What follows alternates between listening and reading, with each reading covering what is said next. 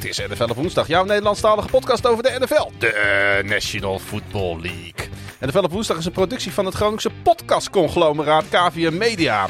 Wederom een week vol spanning en sensatie. Favorieten lieten het afweten. Door COVID gedecimeerde teams knokten voor wat ze waard waren. En drama ligt in veel divisies nog op de loer. December is aan en de intensiteit neemt met de week toe. Dit is seizoen 2, aflevering 30 alweer van NFL op woensdag.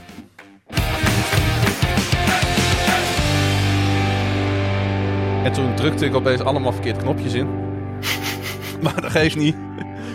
Ik ben ook een beetje buiten mijn comfortzone natuurlijk, omdat uh, mijn uh, grote kameraad Pieter wederom de plas over is naar Amerika. En daarom uh, zit ik... ja, dat is een beetje gek. Wij wonen in dezelfde stad, Edu. Maar Ja. we zitten op afstand op te nemen. Ja, dat, eh, dat komt door mij. Ja. Of nou ja, niet door mij, maar door, door de situatie waarin ik eh, verkeer nu. Ja, in quarantaine. In quarantaine. Het is helaas denk ik voor veel mensen een bekend verschijnsel in deze tijd. Eh, corona is ook aan namelijk. En eh, in, in studerend Groningen is het helemaal een issue. Ja, zeg dat wel, zeg dat wel. En het is dan helemaal een beetje vervelend dat, dat het door een huisgenoot is. Maar ja, weet je, het, het, is wat het is. Mensen willen geen COVID krijgen. En eh, tot nu toe gaat het goed. Ik ben nog negatief. Als ik morgen een negatieve test heb, dan mag ik weer naar buiten. Maar zeker met de kerstdagen eh, is het denk ik wel belangrijk om je in ieder geval zo goed mogelijk eh, beschermd te houden. En zo min mogelijk eh, risico te lopen wat dat betreft. Wat de spelers in de NFL ook moeten doen. Hè? No risk. Zoveel mogelijk. Ja, nee, dat, het is, COVID is niet alleen in, in Groningen toegeslagen. Dat is iets wat duidelijk is. Want het, het was wel een rare week met al die verschoven wedstrijden in één Nou, keer. gaan we het zo gelijk even over hebben. Eerst nog even kort voor de mensen die jou ja, misschien niet kennen. Eh, je bent al eh, een paar keer bij ons te gast geweest. Zelfs in de Super Bowl show eh, zat je vorig jaar. Alweer bijna een jaar geleden, Edu. Ja, dat gaat snel, man. Dat gaat echt snel. En nee, dat was een, super mooie, mooie show om te doen. En ik ben altijd graag op, op jullie podcast en andere, andere content die jullie maken. Dus nee, leuk dat ik er weer mag zijn. En ik kijk ernaar uit om, om even over de NFL te lullen. Ja, je hebt zelf ook een, een platform. Eh, NFL Netherlands, wat volgens mij dit seizoen eh, door eh, ja, omstandigheden en, en allemaal drukke banen en studies een klein beetje stil heeft gelegen. Maar eh, Ja, dat, dat, dat klopt. We hadden zelf eh, via ons platform een beetje een, eh, een traag seizoen. We hebben, nou ja, allebei, helaas doen we dit op hobbymatige basis. Dus het was een beetje lastig te mengen met mijn afstudeerproject en Robert Jans voorbereidingen om naar Amerika te gaan. Dus het, het, paste gewoon net niet goed om al onze tijd erin te steken. En we wilden ook niet echt halfwerk afleveren wat dat betreft. Maar we zijn zeker weer aan het kijken om binnenkort eh, content te maken. En of dat over de NFL gaat zijn of over voetbal in het algemeen, daar zijn we nog een beetje over aan het sparren. Maar eh 2022 gaat absoluut eh, weer een jaar worden waarin we actief gaan zijn. Nou, dat klinkt goed. Eh, voor de mensen die eh, jullie willen volgen, je kunt jou natuurlijk volgen op, eh, op Instagram. Maar eh, eh, ook NFL Netherlands. Eh, er wordt misschien nu niet zoveel gepost, maar ik zou zeggen, druk wel even op het In de toekomst. Misschien dat we voor de playoffs nog iets, eh, iets leuks voorbereiden. Omdat dan eh, voetbal toch het, eh, het mooiste wordt. En dan denk ik ook het interessantste is voor nieuwe leden om, of nieuwe mensen om in te stromen. Ja. Om een beetje die playoff rush mee te pakken. En dan ook te snappen wat er eigenlijk op het spel staat in de Super Bowl. Nou, en voor de mensen die dit eh, dus luisteren, ja, de verbinding kan af en toe wat haperen. Eh, je hoort dat het op afstand is. Het is niet anders. We gaan er het beste van maken. Eh, super in ieder geval dat je bereid bent om met ons de afgelopen speelronde even door te nemen. Dat gaan we zo snel mogelijk doen. maar we, we kunnen er niet omheen, Edu, want ehm, eh, Jasper die kwam al met de vraag: wat vinden jullie van het uitstellen van wedstrijden? De Raiders bijvoorbeeld voelden zich toch wel erg benadeeld. En eh, ook kwam het nieuws naar buiten dat NFLPA, dus de Players Association President Treader, eh, eh, heeft. ja, hij zei van eigenlijk waren we heel dicht bij het cancelen zelfs van die drie wedstrijden. In plaats van het reschedulen. Natuurlijk door de COVID-19 uitbraken. Ja, hoe kijk jij hier tegenaan? Ik, ik vind het wel heel lastig hoor, om, om, om eerlijk te zijn. Want ja, natuurlijk wil je dat alle wedstrijden gewoon plaatsvinden zoals ze ingepland zijn. Maar het, het, het, heerst nu weer gewoon enorm. En die nieuwe variant gaat weer enorm rond. Dus eh, het, het, het lijkt mij gewoon voor het hele land best wel ja, iets heel groots. En ik denk dat je dan als league wel, eh, als het nodig is, wedstrijden zelfs eh, uit moet kunnen stellen. En om eerlijk te zijn, zie ik dat persoonlijk misschien zelfs liever dan dat halve teams niet kunnen komen opdagen omdat ze eh, nou ja, positief getest zijn.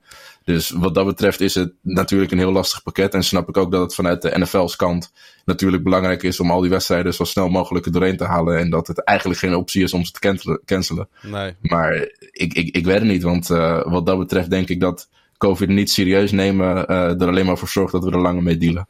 Ook dat is absoluut waar. Uh, aan de andere kant, ik zie nog steeds overal bomvolle stadions in Amerika. Ik ben zelf natuurlijk net geweest en ik kan je vertellen, nou, COVID speelde geen enkele rol op de tribunes. er was niet eens een, een, een, controle op bijvoorbeeld vaccinatie, zoals je dat in Nederland voor evenementen natuurlijk wel had en hebt.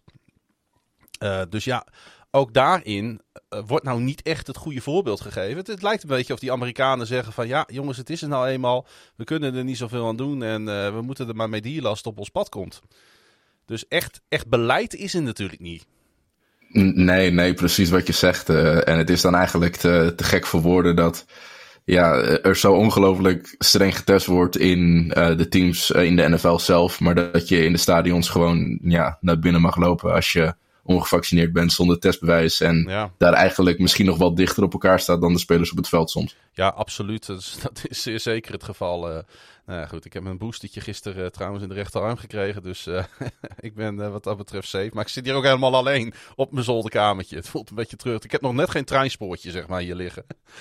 Hey, um, Ja, nou waren we even onderbroken door, doordat jongens van andere podcast uh, aan het uploaden waren. En dat is niet zo'n goed idee als wij zeg maar willen proberen een podcast op te nemen op afstand. Maar we zijn er weer. Hey, we hadden het dus over COVID en het uitstellen van die wedstrijden. Uh, en de Raiders die zich benadeeld voelen. Voelden. Um, weet je waar ik aan zat te denken? Je zal als fan van Las Vegas zeg maar, maar een tripje hebben geboekt naar die wedstrijd. En dan wordt die gewoon een paar dagen uitgesteld. Ja, dat, dat zijn misschien nog wel de mensen die, die het meeste dupe daarvoor ja, zijn. die worden echt geraakt, zeg maar, uh, in de portemonnee. Ja, en het is niet zo uh, alsof je dat dan makkelijk even kan omzetten. Zeker met die schema's in Amerika uh, zal het heel, heel veel gezeik al zijn geweest om die dagen überhaupt vrij te krijgen. Ja, precies. Dat, dat dacht, dacht ik ook aan. Maar goed, uiteindelijk wonnen natuurlijk de Raiders wel. Wedstrijd komen we zo natuurlijk op terug. Er kwam wat engagement binnen, ook specifiek voor jou, dus dat is wel even leuk. Marcel die vraagt gelijk maar een vraag voor Edu. Welk NFL-team zou jij het liefst onder handen nemen en waarom? Oeh, dat, dat vind ik wel een mooie vraag. Um, welk team zou ik het liefst onder handen willen nemen? Zijn dat jouw eigen New York Jets of heb je een ander team in gedachten? Nou, de, de Jets is natuurlijk wel mooi vanuit, vanuit fanperspectief. En ik denk dat we ook wel veel werk aan de winkel hebben. Dus dat uh, zou absoluut een mooie rebuilding uitdaging zijn. Uh, dus die staat zeker hoog op het lijstje. Maar als ik buiten de Jets denk. Want ik denk dat het, het allerbelangrijkste wat je sowieso wil hebben is een, is een goede quarterback met de, met de toekomst. Dus uh, dat hebben wij denk ik, ondanks ja, Zach Wilson misschien. Maar ik weet het nog niet met Zach Wilson. Dan heb ik liever iemand met een klein beetje meer naam. Dus, dus jij, wil wel naar, de... jij wil wel naar Jacksonville verhuizen, begrijp ik. Ja, dat, dat is een beetje hetzelfde gezeur nog. Rookie QB's die dus is het de situatie? Zijn ze niet zo goed? Dat, dat is misschien nog iets te veel de vraag. Dus ik denk dat een team als de Cincinnati Bengals, die ook best wel leuk aan het bouwen zijn en mm. op de upwards trajectory, dat is denk ik wel een mooie uitdaging uh, om, uh, om onder handen te nemen en te zien of we de Super Bowl kunnen halen in, uh, in Cincinnati. Want het is zeker een team met, met heel veel talent en ook een team dat zich heel goed versterkt heeft dit jaar. Dus in plaats van helemaal opnieuw te beginnen, maak ik liever de, de job van iemand anders af dan. Ja, want uh, dan verhuis je wel naar de stad die zeg maar onderaan staat bij de NFL-fans als het gaat om fanbeleving. Cincinnati, is dat zo? Ja, Cincinnati staat op de 32e plaats. Oh, nou, maar dan, dan is daar dus ook nog heel veel werk te verrichten. Ja. En als, als, als, als uh, voormalig Groningen, uh, nou ja, als, als Groningen Giants coach nu nog, maar dan voormalig Groningen Giants uh, mm. coach, dan denk ik dat wat betreft sfeer, dat, dat we daar zeker een bijdrage kunnen leveren. Ja, en deze vraag staat er niet bij, maar is ook een team waar je absoluut niet heen zou willen om uh, daar je stempel op te drukken? De, de Jaguars of de Cowboys. Ja, want en, de Cowboys nou, vanwege wat? Ja, de, de Cowboys vanwege altijd de, de, het gezeik. De, de Cowboys, misschien de Eagles ook wel. Maar dat zijn van die teams waar gewoon altijd een, een, een negatieve, veelste uh, centrale focus op ligt. Hmm. En ja, ik weet het niet. Ik, als ik ergens wil werken, wil ik wel een beetje in de shadows kunnen werken. Uh, beter dan dat je elke dag uh, met je kop in het nieuws staat. Ja, misschien moet je dan naar de Atlanta Falcons, het team wat het minst in het nieuws is. Oh, je, hebt, je hebt de lijstjes natuurlijk wel klaar liggen. Nee, dat is, dat, dat is goed om te weten allemaal hoor. Misschien uh, dat ik een, een lijstje ga maken, een shortlist van, uh, van teams die het best bij me passen. waar de fanbeleving dus nog wat omhoog kan gaan. Ja. De, de Bengals, ik, ik denk zeker met dat lijstje en dat feitje dat je me erbij gaf, dat dat een hele mooie uitdaging is. Edu is heading for the jungle. goede, goede outfits ook. Dus uh, ik, ja, nee, ik, ik, ik ben fan van de Bengals. Ja, jouw uh, grote kameraad Robert Jan die, uh, heeft ook een vraag speciaal voor jou ingezonden. ik kwam binnen via Instagram. Hij zegt: Zach Wilson is de boom of een bust voor de Jets als eerste quarterback als QB1. En wie zie je de Jets het liefst kiezen? Dat is wel interessant natuurlijk. Met de twee top 10 picks die zij, ja, dat is nu wel zeker, sowieso gaan hebben in de komende NFL draft. Ja, ik, ik moet eerlijk zeggen dat ik nog niet heel erg diep in deze draftclass ben gedoken. Dus uh, dit antwoord is absoluut nog uh, iets wat kan veranderen. Maar ik denk, laat, laten we beginnen met uh, Zach Wilson. Ja, um, ik denk dat het te vroeg is om te zeggen dat hij een bast is. Um, speelt hij goed? Nee. is het de quarterback of is het het systeem? Ik denk een beetje van allebei. Want Wilson doet het gewoon niet goed. Maar het systeem is ook heel erg nieuw. Uh, ook eerstejaarscoach. Niet alles loopt lekker wat betreft de offensive play calling nog. Dus dat is ook nog niet allemaal top. Maar ik, ik, ik zie ook de flashes nog niet helemaal bij Wilson. Dus wat dat betreft is hij eerder een, een, een, een bas dan een, een, iemand die nog gaat boomen, denk ik. Maar na één seizoen is het wel heel snel om te zeggen. Dus ik hoop gewoon de laatste wedstrijden vooruitgang te zien. Uh, een grote stap te zien bij uh, het begin van het volgende seizoen. En dan kan je hem nog een kans geven voor twee, drie jaar. Hmm. Maar uh, ja, er moet zeker meer gebeuren dan dat hij nu heeft laten zien. Want het is gewoon zeer ondermaats wat mij betreft in, ja. in New York. Is het niet ook een beetje een mismatch om een coach die... op ja, zijn hele coachcarrière als defensive coach um, te boek staat. En daar ook goede successen mee heeft behaald. Bijvoorbeeld natuurlijk als DC bij de San Francisco 49ers. Om die op zo'n nieuwe rookie quarterback te zetten? Of is dat onzin? Nee, ik denk dat, dat je daar een goed punt maakt. Um, en niet, niet alleen omdat het een, een mismatch is wat betreft defensive coordinator per se. Maar ik denk ook dat het een, een mismatch is in het feit dat ze allebei rookies zijn. Dat, het, eh, ondanks dat hij uh, wel Mo, uh, Salah dan, niet Mo Salah, mm -hmm. Robert Salah, dat die, die is natuurlijk wel een tijd werkzaam geweest in, in de NFL. Maar een, een headcoach zijn is wel weer een hele andere job dan DC. Dit is zijn eerste jaar als headcoach. De OC, waarmee Zach Wilson moet werken, het broertje van LeFleur ook zijn eerste jaar. Uh, is ook van San Francisco gekomen, heeft een goed schema liggen op papier. Maar ja, je moet het ook nog eens in de praktijk uh, uitvoeren. Dus uh, wat dat betreft denk ik dat de grote mismatch vooral is dat er heel weinig ervaring in het team zelf zit. Ook geen ervaren backup dat zat erbij. Dus het was echt allemaal nieuwe mensen. Uh, en ik denk dat dat uh, met heel veel blessures, want laten we dat vooropstellen met het seizoen van de Jets. Iedereen is geblesseerd geraakt. Op elke plek zijn we iedereen kwijtgeraakt. Uh, ja, wat dat betreft was het eigenlijk, nou ja, na drie, vier weken al wel een verloren, verloren seizoen wat dat betreft. Dat is waar. Als het trouwens die naam van Saleh, ja, Salou wordt hij ook wel genoemd uh, Saleh Salou uh, altijd valt, dan moet ik toch altijd gelijk denken aan uh, twee feiten. Namelijk één, dat hij voor Northwestern heeft gespeeld, dus voor de Wildcats. Het college team wat ik het vaak live, he, vaakst live heb gezien. Twee keer maar liefst namelijk. hem niet toevallig. nee, nee, nee, nee. Dat was, hij was tussen 97 en 2001, als ik me niet vergis, was hij tight end namelijk voor dat team. Oké. Okay. Hij, uh, nee, uh, dat is dus het eerste feitje wat ik altijd interessant vind. Omdat ja, als je toch uh, een paar keer een college team live hebt gezien, dan ga je toch altijd wat extra op ze letten. Ja. Um, hoewel ze dit jaar niet zo goed zijn. Vorig jaar hebben ze natuurlijk wel een paar, paar hele fijne prospects naar de NFL gebracht. Um, zijn broer was in de South Tower tijdens de 9-11 attacks. En daar heeft hij ook regelmatig over verteld. En um, hij, hij, nou ja, hij, hij, heeft het, hij was op de 61ste verdieping. Dus hij moest echt heel ver naar beneden lopen. En hij heeft het gered, de broer van, uh, van deze Saleh. En dat is ook de reden waarom hij, dat heeft hem zo'n push gegeven.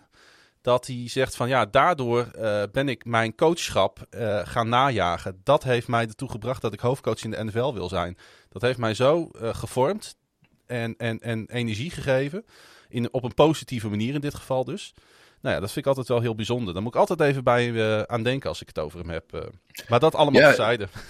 En nou, dat, uh, een, een, inspirerende man is het gewoon. Ja. en dat, dat zie je ook wel in hoe hij coacht. En wat dat betreft is het denk ik een beetje het Dan Campbell verhaal. Dat het zijn coaches met potentieel. die zeker op het gebied van motivatie en zeker op het gebied van banden met het team gewoon heel sterk zijn. ik weet niet per se hoe goed zijn defensive scheme het gaat ophouden tegen alle andere uh, masterminds in, uh, in, in de NFL. Maar je weet wel dat je iemand hebt die de mannen klaar krijgt en, uh, en ervoor zorgt dat het een team is dat vecht. En ik denk dat je dat ook wel bij de Jets hebt gezien, zeker op defense. ondanks zoveel blessures, ondanks zoveel gedoe, zoveel eigenlijk spelers die er niet eens op het veld horen te staan, die er staan. ik, ik vind niet dat ze een, wat dat betreft een teleurstellend seizoen neerzetten. maar het kan zeker heel veel versterkt worden, want er, er staan gewoon heel veel spelers die niet goed genoeg zijn om te starten in de NFL. Maar gelukkig hebben we twee picks. Dus uh, om de tweede, de, tweede gedeelte van Robert Jans vraag te beantwoorden. Ik denk een corner, uh, dat die heel erg nodig is momenteel. Uh, en een pass rusher. Dus Thibodeau weet ik dat vrij hoog staat, heet hij volgens mij van Oregon. Ja, er zijn paar defensive ends die inderdaad... ZB zegt ook, het is vrij zeker dat de eerste en de tweede pick waarschijnlijk een defensive end zullen zijn. Ja. schuine streep pass rusher. Um, ja, uh, die, die, er zullen een paar goede uh, ends, denk ik, uh, en edges van het bord gaan verdwijnen in die top 10. Dat, dat denk ik ook. En daarom denk ik dat je met vier misschien net buiten de allergrootste grijpt. Dus het, het, is even kijken hoe het draftboard valt. Ik vind het een beetje moeilijk om te zeggen welke spelers nu precies. Maar een O-liner zie ik graag komen. Een cornerback, een end als we die kant op gaan, denk ik dat het goed staat. Uh, ja, overal kan er eigenlijk wel weer talent komen. Dat is het voordeel van een slecht team zijn. Dat je gewoon elke speler eigenlijk wel kan gebruiken. Oké, duidelijk. Nog een eh, compliment van jou, voor jou van uh, Diego. Je zegt alleen maar props naar Edu. Hilversum versus Groningen. Ik was middle linebacker en zijn playbook was insane.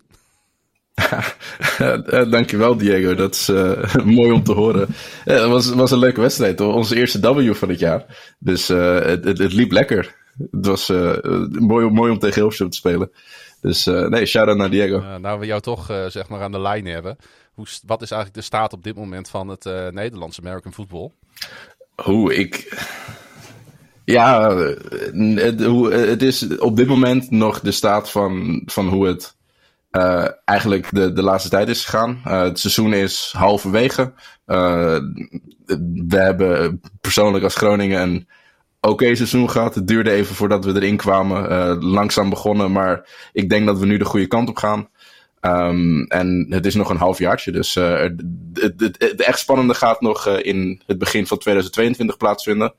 Uh, en ook misschien wat, uh, wat, wat meer interessante dingen die daarbij komen, maar waar ik nog niet te veel over kwijt kan. Hm. Uh, dus wat dat betreft misschien iets voor de luisteraars om ook in de gaten te houden. Een, een, kleine primeur wat betreft Nederlandse American football, waar ik nog niet te veel over kan zeggen volgens mij. Ik zou willen zeggen, als er een team bij jou in de buurt speelt, ga eens een keer kijken. En uh, Zeker. als je de NFL volgt, dan zul je het vast kunnen waarderen dat er uh, ook mensen met passie in ieder geval uh, met die sport bezig zijn. En dat het dan niet zeg maar op hetzelfde niveau is, dat is denk ik een open deur. Hè? Dat is evident natuurlijk wat dat betreft. Hey, um, andere vraag die binnenkwam um, van Niels. Die zegt misschien wel leuk om te vertellen hoe de stand bepaald wordt bij een gelijke stand. Aangezien zoveel teams nog naar de playoffs kunnen. Dus dan hebben we het natuurlijk over de tiebreakers.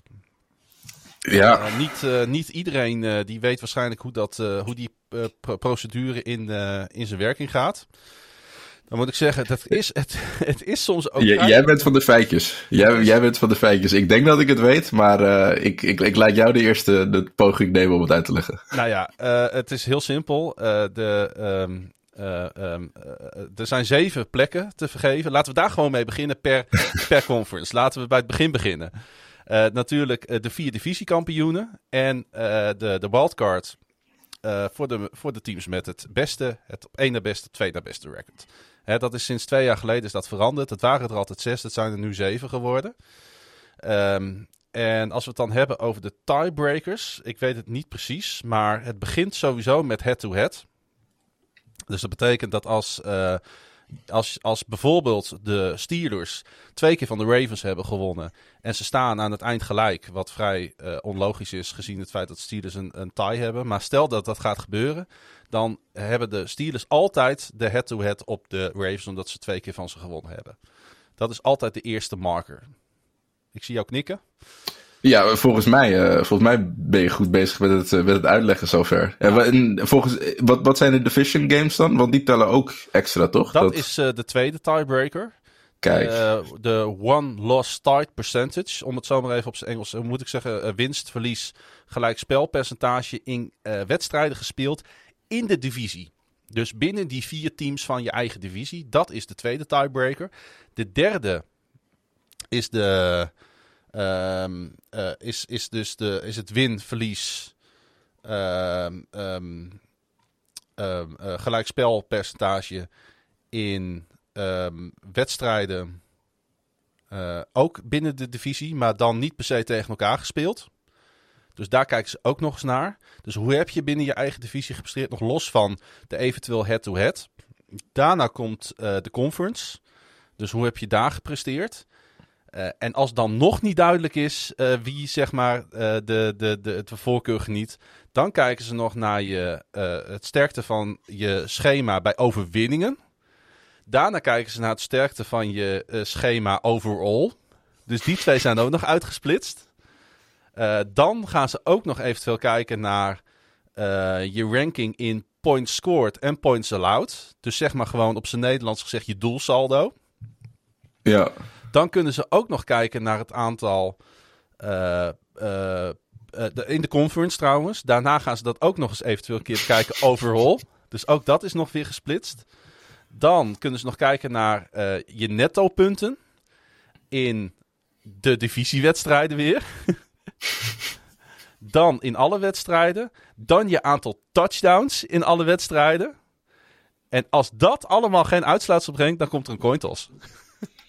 Ja, en ik, ik ben benieuwd uh, of dat erin gaat zitten dit jaar. Want het is wel heel erg uh, tijd wat dat betreft. Dus misschien ja. dat... Uh, dat zal een primeur zijn, denk ik. Hè? Dat een Cointos bepaalt wie er de playoffs in gaat. Ja, en dan... dit was trouwens de, de procedure voor als twee clubs gelijk staan. Maar we zouden natuurlijk heel goed in de situatie kunnen komen... dat er veel meer clubs uh, op een bepaald record komen te staan. En dan op die zevende plek azen natuurlijk. Op die laatste wildcard. Nou, het is super ingewikkeld allemaal. Maar op uh, nfl.com standing schuine streep tie-breaking procedures kun je alles nalezen. Ja, en misschien ook handig om uh, even te wachten tot de laatste drie wedstrijden ook gespeeld zijn. Voordat je heel hard gaat rekenen. Want met hoe de scores nou ja, vorige week of afgelopen weekend zijn gegaan, uh, kan je niks uh, voorspellen nu van hoe het uh, over drie weken eruit ziet. Nee, ik durf het ook allemaal niet meer aan, moet ik heel eerlijk zeggen. Elke week word ik weer heen en weer geslingerd in emoties. En ik, ik, weet je, ik heb ook heartbreakers. Al de ene week zeg ik dat Kyler Murray voor mij de MVP is en dat niemand hem daar meer van gaat afstoten. En de andere week lig ik huidend voor de televisie te kijken naar wat hij laat zien. Ja, nee, het was voor de MVP-chasers tussen haakjes, uh, behalve Rodgers misschien, uh, geen goed weekend. Want uh, veel grote QB's die een matige week afleverden. Ja, eigenlijk zijn er, is dit het perfecte jaar, en daar heb ik het vorige keer met Pieter ook al even over gehad, om eens een keer niet voor een quarterback te gaan. En er zijn er natuurlijk twee spelers die heel duidelijk in aanmerking komen. Denk ik tenminste, dat is Jonathan Taylor, de running back van de Indianapolis Colts. En dat is Cooper Cup, de receiver van de Los Angeles Rams. Die, die steken wat mij betreft, als het om position spelers gaat, echt, uh, echt, echt ver boven de rest uh, uit. Ja, nee, dat uh, ben ik helemaal met je eens. ik denk dat Derrick Henry op weg was om zijn naam ook in de hoed voor die award te gooien. Maar die, die missen we natuurlijk nu al een tijdje. en wat dat betreft, op die noot denk ik dat Jonathan Taylor eigenlijk die positie stilletjes, maar toch zeker heeft overgenomen. om, om toch kans te maken op die titel. Ja. En wat je zegt, ik denk dat. Ja, het, het is Rodgers of een van die mensen, denk ik. Want ik weet niet of er een andere QB is die er zo bovenuit staat. Het ligt er een beetje aan wat, uh, wat Tom Brady gaat doen, in mijn ogen, voor de, voor de laatste weken van het jaar. Ja. Maar uh, wat je zegt, ik denk dat het uh, geen verkeerd moment is om de award te geven aan een andere positie dan een quarterback. Ja, altijd een hele fijne vraag als hij binnenkomt. En ik mag hem graag behandelen, is die van Brit. Die zegt, wie gaat dit jaar de Super Bowl winnen? Oeh. Heb jij een uh, duidelijke favoriet? Nee, nee, nee, nee. Ja, ik denk dat ik, dat ik had gezegd um, Volgens mij, want dat is nog een van de weinige takes die ik me kan herinneren van de podcast die we voor seizoen hadden opgenomen. Was dat, uh, dat ik had gezegd dat uh, Green Bay heel ver en misschien de Super Bowl zou halen. Dus ik denk dat ik daar maar gewoon aan vast blijf houden. Want Green Bay doet het gewoon, doet het gewoon lekker wat ja. dat betreft. ze zijn helemaal weer terug. Goede defense. Offense lijkt weer goed te lopen. Dus ik denk dat, dat Green Bay hem gaat winnen dan als ik iets moet zeggen. Maar ja, uh, je kan niks voorspellen in deze league, zoals, uh, zoals we net al gezegd hadden. Ze hebben in ieder geval de scheidsrechters mee. Dat uh, is een ding ja, wat zeker is. Dat is ook weer zo'n factor waarvan het lijkt alsof het dit seizoen alleen maar slechter is geworden. Dat, er, er zijn echt al een aantal weken calls. En ook hele belangrijke calls waarvan je bent van... Nou. Waarom gooi je daar in godsnaam een vlaggetje? Ja, ik heb echt, uh, ik wou echt op een gegeven moment tijdens de uh, Ravens Packers game mijn televisie door het raam gooien. Maar ja, ik weet niet of ik daarvoor verzekerd ben, dus ik heb het uiteindelijk niet gedaan. Maar allemachtig, joh. Die ziet af en toe weer dingen. Ik, ik moet gewoon hier nu over ophouden, anders ik neem even een slokje bier. Goed zo. Zo, we zijn er weer. hey, ook wel interessant als het dan toch gaat om, om, om, om uh, erkenning. Stefan, en je hoort het al, we komen voorlopig niet aan die wedstrijden toe. Stefan, nee, mooi toch? Stefan die vraagt, wat zou een verdediger moeten presteren om in aanmerking te komen voor de MVP en een offensive lineman om überhaupt iets te winnen? Uh, nou, dat is nou, dat, dat, ik snap de vraag, uh, zeker omdat er natuurlijk ja, bizar veel aandacht en misschien ook wel onevenredig veel aandacht voor quarterbacks is en bepaalde position spelers. Terwijl het uiteindelijk natuurlijk om de lines gaat. Want zonder lines stelt een quarterback over het algemeen toch niet zoveel voor. Uh, maar uh, uh, er, zijn, er, is natuurlijk een Pro Bowl verkiezing. Er zijn All Pros. Na ieder seizoen die worden uitgeroepen. en ook binnen teams worden natuurlijk spelers uitgeroepen tot spelers van het jaar. spelers kunnen vanwege hun goede gedrag en spel aanvoerder worden natuurlijk. dus er zijn wel wat mogelijkheden om echt erkenning te krijgen, toch? Ja, nee, absoluut. En er is natuurlijk publiekelijke erkenning en erkenning binnen de league en binnen de team zelf. En daar hebben die posities absoluut erkenning. En dat zijn hele uh, hooggewaardeerde jongens vaak. Zeker als je een goede reputatie binnen de league hebt. Dus wat dat betreft is de erkenning er zeker. Maar ja, voor de pers en voor de, de, de mensen die ernaar kijken, zijn het toch heel vaak aanvallende spelers en quarterbacks die het meest in het oog springen. En ik denk dat een defensive speler een soort van Aaron Donald seizoen moet hebben uh, om kans te maken uh, op MVP. Ik denk Aaron Donald vorig jaar het, uh, dat dat het dichtst bij hmm. dat, dat voor een defensive player het dichtst bij een MVP was in een lange tijd. Een beetje een rare zin, maar volgens mij snappen mensen wat ik probeer te zeggen. Ja, ik snap, geeft niet. Uh, je zit al een tijdje in quarantaine. Je moet toch even wennen om weer uh, te, te praten. Precies. nou ja, goed. Ik, uh, weet je, en, en, en op basis van statistieken, dat zegt natuurlijk ook niet altijd alles. Want bijvoorbeeld een, een Dix bij de Cowboys heeft nu 10 intercepties op zijn naam staan. Maar we moeten natuurlijk niet voorbij gaan aan wat hij heeft laten lopen om die 10 intercepties op zijn naam te krijgen. Want hij aast zo op die intercepties. Want dat kwam ook voorbij dat iemand zei van... is hij uh, de Defensive Player of the Year? Nou, uh, op basis van zijn spel niet. Op basis van zijn statistieken natuurlijk wel. Ja, nee, de statistieken liggen wat dat betreft heel Ja. erg. Uh, ja, ik, je, je zei het heel goed. Uh, voor elke interceptie die hij uh, vangt, geeft hij twee diepe ballen op. niet, niet om te zeggen dat Dix geen goede speler is, want wat betreft balskills is het waarschijnlijk een van de beste verdedigende spelers in de league. Maar ja, nee, ik denk niet een top 5 corner. Uh, en ik denk dat ook niet eens de beste defensive speler momenteel op zijn team. Want uh, Micah Parsons uh, is in mijn ogen toch degene die het meeste persoonlijke impact over het hele spelletje maakt voor de Dallas defense. Ja, helemaal mee eens. Sterker nog, we hebben al benoemd dit jaar dat hij niet eens in aanmerking komt voor Defensive Rookie of the Year. Maar eigenlijk in de mix is voor Defensive Player of the Year. Zo goed speelt hij. Ja, nee, en ik denk ook uh, waar die symbool voor staat. Want uh, de Dallas defense is gewoon van ver gekomen. Zo. Uh, en ze zijn nog steeds geen, geen top-top defense. Maar ze creëren wel veel turnovers. En het is gewoon voor elk team moeilijk om tegen te spelen. League high, hè? In, in, in intercepties zelfs. Kun je nagaan waar ze vandaan komen en waar ze naartoe gegroeid zijn. Uh, als je één corner hebt met 10, dan uh, gaat het natuurlijk, natuurlijk al heel snel. Ja, volgens mij uit mijn hoofd staan ze op 26 zelfs al, uh, of 24, zoiets. Zo. dus hij is niet de enige. Maar dat komt zo meteen nog wel even terug in de wedstrijd van de Cowboys. Laatste vraag voordat we naar traditiegetrouw de eerste wedstrijd, de Monday Night Football, gaan. Om die te bespreken. Michiel die zegt, wat een ontknoping gaat het in de AFC North worden. Want ik denk dat dat wel de divisie is die misschien het meest underwhelming is aan de ene kant. Maar wel waar absolute spanning er keihard op zit. Ah, absoluut. Uh, iedereen kan de, play kan de playoffs nog ingaan, hè? Is dat de enige competitie of enige divisie waar dat zo is? Uh, waar alle vier de teams nog... Uh, Volgens mij wel. Ik denk wel waar alle vier zo dicht in de hand staan of ertussen inderdaad. Ja, nee, absoluut. Ik, ik zou ook nog niet durven zeggen wie het nou allemaal gaan halen of niet. Ik, ben, ik heb een onderbuikgevoel dat de Steelers gewoon nog playoffs gaan halen dit jaar. dus dat dat misschien de enige is die in kan vullen al. Maar dan denk ik dat ze de divisie moeten winnen. Want op, ja, op dit moment staan namelijk de andere drie. Hè, de Bengals staan op dit moment eerste. De andere drie staan allemaal in de hunt. Die vallen op dit moment buiten de playoff picture. Ja, nee, ik, ik, ik... Speelt Baltimore nog tegen Pittsburgh? Uh, ja, laatste potje. Uh, laatste week in Baltimore. Nou, dan eh, zeg ik dat nu alvast. Dat gaat te groot worden. Dat wordt een hele belangrijke, wordt dat. Ja, die kan wel eens heel bepalend worden. Dat is wel een pot om voor te gaan zitten. Nu, nu al, hè? Ja, nee, absoluut. Eh, Altijd uh, trouwens, Steelers Ravens. Maar helemaal als het en erom gaat in de laatste week. En alles nog gewonnen of verloren kan worden.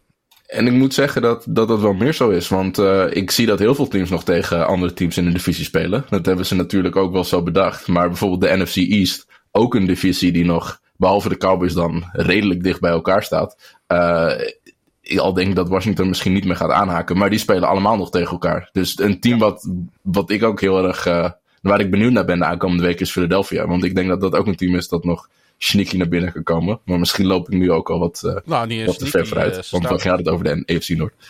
Ze doen volop mee. Hey, uh, laten we inderdaad, voordat we alles gaan weggeven, het, ja. het per wedstrijd gaan bekijken. En dan vooral natuurlijk de implicaties en waar staan ze en wat zijn hun kansen. Want dat is toch de time of the year waar we mee te maken hebben. En eh, we beginnen bij, uh, in NFL op woensdag altijd traditiegetrouw met de Monday Night Football. En dat, zijn de, dat was dit keer een pot tussen de Minnesota Vikings en de Chicago Bears op Soldier Field 17-9. Ja, um, ik denk dat fans van de Vikings uh, een goed werkend hart nodig hebben. Want ook deze week hadden ze het weer onnodig lastig tegen toch de short-handed Chicago Bears. Maar mede door twee touchdown passes van Kirk Cousins werd met 17-9 gewonnen op Soldier Field. En doen ze met 7-7 mee voor een wildcard. Ja, vraag me niet hoe. Ik, ik weet niet wat voor wedstrijd dit was. Ik, dit, is, dit was een van de wedstrijden van dit weekend. Uh, waarin, ja, ze, ze, hadden allebei kunnen winnen. Uh, de beurs zijn denk ik redelijk genaaid door de referees. Uh, er zijn, daar is absoluut wat calls geweest waarbij je dacht van, nou, ik, dat is wel weer heel makkelijk gegooid. en ja, Kirk Cousins met minder dan 100 yards. Uh, Delvin Cook, die voor hem gezien een hele slechte wedstrijd had. Het liep totaal niet bij Minnesota, maar toch win je. Uh, dat vertelt denk ik ook uh, wat voor team Chicago is. Want daar loopt het al, ja, volgens mij het hele jaar al voor geen meter. En het was eigenlijk een Vikings team dat niet liep tegen een Chicago team dat speelde zoals het hele jaar deden. En ja, uiteindelijk wint Minnesota net aan in de wedstrijd die je volgens mij ook had kunnen skippen. Ja, het was een beetje. Het, het, beide teams hebben een aantal lichtpuntjes. Zoals ieder NFL-team dat wel heeft. Uh, bij uh, Minnesota Vikings was dat opeens ene DJ Wonnum. Die verraste met een career high 3 sacks. Ik ga gewoon heel eerlijk zijn. Ik had nog nooit van hem gehoord. ik, ik ook niet. ik volg de Vikings ook niet op de voet. Maar dat viel mij heel erg op. En waar denk ik de winst uiteindelijk toch zat deze wedstrijd. Is dat de Vikings gewoon drie fumbles recoveren in... ja, en, en, en dan win je wedstrijden in de NFL over het algemeen. Ja, nee, absoluut. Dat, dat, dat, is ook ja, precies een soort van wedstrijd wat, wat het was, waarin de turnovers uiteindelijk het verschil maken. Als je twee offenses hebt die niet lopen, dan, dan, ga, dan, ja, dan zijn het de, de, de turnovers die, ah, die, die het doen. En ja, wat je zegt, uh, wat dat betreft uh, was Minnesota een stukje beter. Ja, normaal gesproken was dat nog wel eens een manier waarop de Chicago Bears de afgelopen jaren wedstrijden naar zich toe konden trekken. Door juist een defensive battle te winnen, zoals deze wedstrijd dat eigenlijk was. Maar als zelfs dat niet meer lukt, en uh, er moet gezegd worden, en dat gaan we bij meerdere wedstrijden gaan we dat natuurlijk zeggen. ze hadden grote problemen in Chicago. Alleen al de coachingstaf werd uh, bijvoorbeeld ernstig geteisterd door uh, de COVID-problemen. Alle drie de coördinators die testen positief. En slechts enkele uren voor kick-off kreeg defensive coordinator Sean uh, Desai toestemming om terug te keren. Offensive coordinator Bill Laser, die was er helemaal niet. Dus moest, nou dat is niet ideaal, hebben we gezien, met Nagy de plays callen. de special teams coordinator was ook nog eens afwezig. Ja, dat is allemaal. En weet je, de manier, eh, een idealiter, idealiter hè. Als je een NFL-wedstrijd voorbereidt, dan moet alles kloppen om te winnen over het algemeen. Alles is van belang. Ieder aspect speelt mee, hè. ja, nee, 100%. En dan, dan, dan is het gewoon, ook, ook wat betreft door de, door de motions lopen en wat je gewend bent, is het al zo anders als opeens iemand anders de plays moet callen die het niet voorbereid heeft. Want dat, dat was het ook nog eens. Hè? Dat, uh, het, het, kwam redelijk laat in de week kwam pas door dat ze er niet bij konden zijn.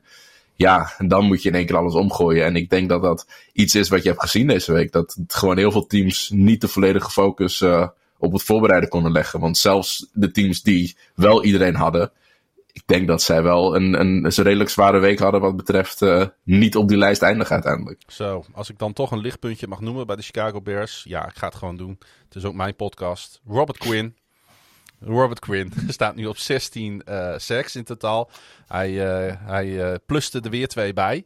En hij heeft nog maar anderhalf nodig om Hall of Famer Richard Dance franchise record van 17,5 te evenaren. Neergezet in mijn geboortejaar 1984. En uh, uh, dat is, weet je, wat hij, hij heeft natuurlijk uh, ondergepresteerd vorig jaar, Quinn. Dat mogen we wel zo stellen, denk ik. En ja. hij, hij, is er in ieder geval, hij laat in ieder geval zien dat hij ja, al dat capital wat ze weg hebben gegooid, zeg ik even heel oneerbiedig, misschien toch wel waard is. Alleen ze kopen er helemaal niks voor. er werd ook weer gescandeerd om het ontslag van, van Matt Nagy. Dat gebeurde ook al toen ik in Chicago was. Ehm, en uh, gek genoeg gebeurde dat uh, zowel in uh, het stadion van de Bears als de avond daarna bij een wedstrijd van de Bulls in United Center. het is duidelijk dat de hele stad wat dat betreft ja. achter de boodschap staat. Ja, en Nagy die kreeg ook nog eens een vlag tegen tijdens de wedstrijd. Omdat hij het niet eens was met een penalty tegen safety Dion Bush. En daar wou ik het toch even over hebben. Want Cousins probeerde een bal naar, als ik me niet vergis, Tyler Conklin uh, te gooien. Die pas ja. ging incomplete, maar Bush werd gecallt voor een late hit op, uh, op de tight end. En ja, uh, als we hier vlaggen voor gaan gooien, ik weet niet of je het hebt gezien, deze hit. Ja, zeker. Ik, ik, ha ik had hier toch wel grote moeite mee, Edu. Ja, nee, dat, en dit is zo'n moment waar we het uh, al een beetje over hadden. Dat beslissingen van de scheidsrechter uh, veel bepalend worden voor de wedstrijd. Want uh, ja, dit, was dit ook de drive waar een touchdown uitkwam voor de, voor de Vikings? Um, ja, de penalty zorgde ervoor dat de Vikings first down kregen op de Chicago 12 en de field goal field voor 10-0. Maar ja, een field, nee, goal, dat... een field goal tegen voor een two-score game is natuurlijk ook van groot belang in zo'n wedstrijd als deze. Precies, nee, maar dan kan je dus gewoon zeggen dat die penalty eigenlijk drie punten kostte. Uh, en ja, voor, voor waar voor die gegooid werd, letter of the law, denk ik dat je de vlag kan gooien. Maar dat laat ook zien hoe weinig feeling sommige, alle de scheidsrechters uh, in de NFL hebben met het spelletje. Want dit was zo'n moment waarbij het eigenlijk ja, het, het, was gewoon natuurlijk van hoe ze tegen elkaar aankwamen. Je kan als safety zijnde, was het onmogelijk om die hit op die manier uh, ja, te ontwijken. Uh, dus ik weet niet zo goed wat de scheidsrechters willen dat een verdediger doet dan. Want wat je zegt, uh, het wordt op die manier, manier nagenoeg onmogelijk voor verdedigers om, om te kunnen verdedigen. Ja, die discussie die loopt ook al binnen de NFL van mogen we nog wel op knieën tackelen en dat soort vragen. Maar goed, laten we dat even rusten.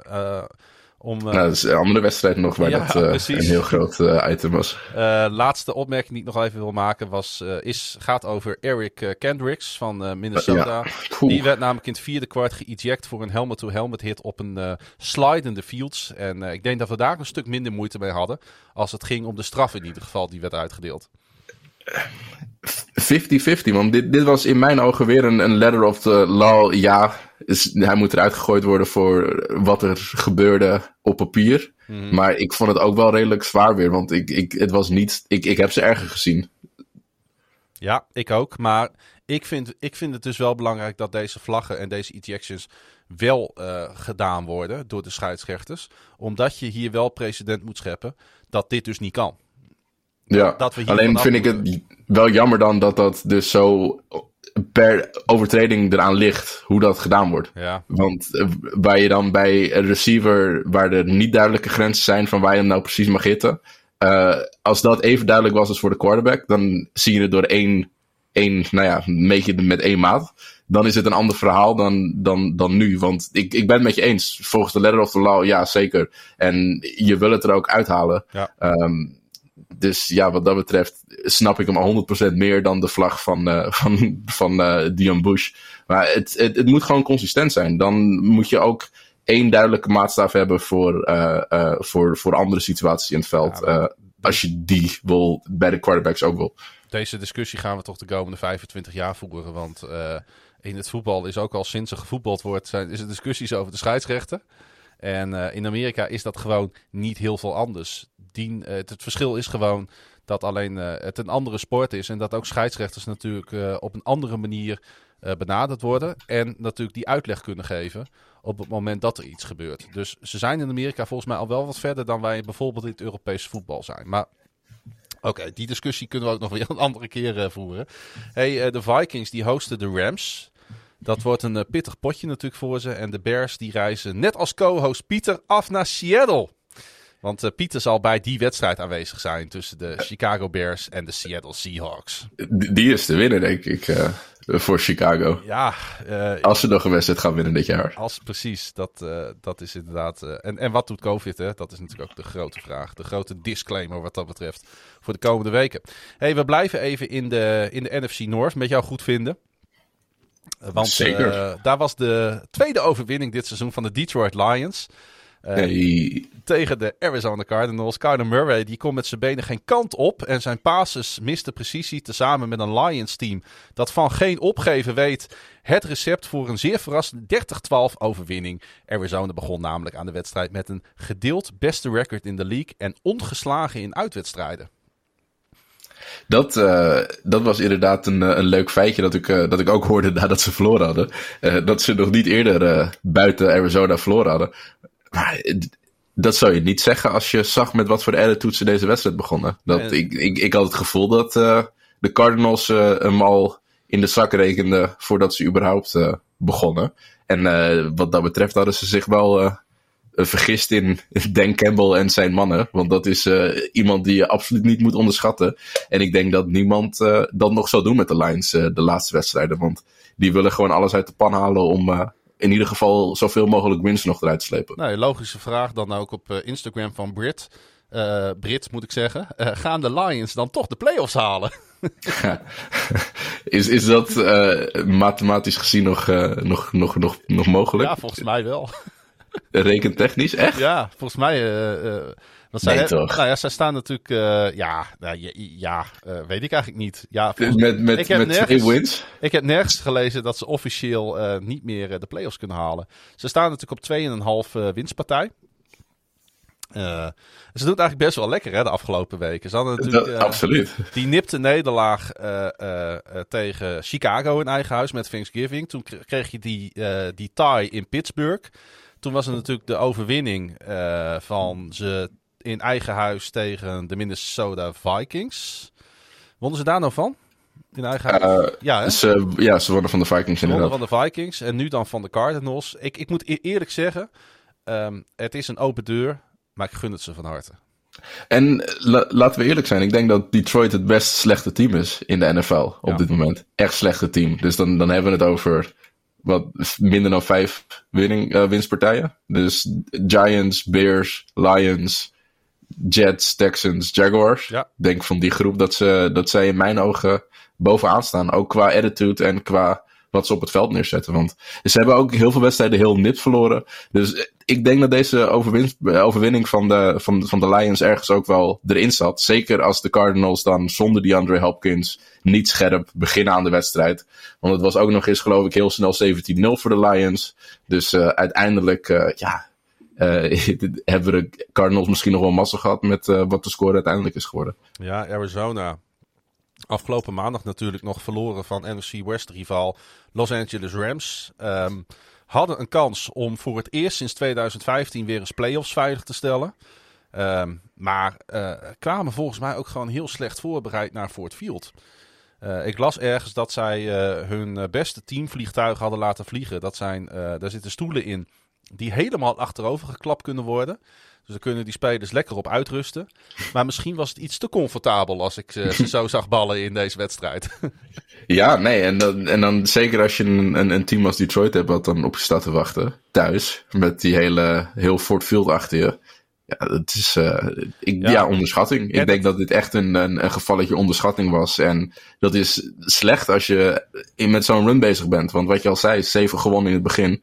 En nu nog maar uh, drie van de zeven, toch? Ja, uh, vier van de zeven denk ik uit mijn hoofd. Vier van, nee, nee, ja, drie van de zeven. Vier van de voorbije zeven hebben ze verloren dus, hè?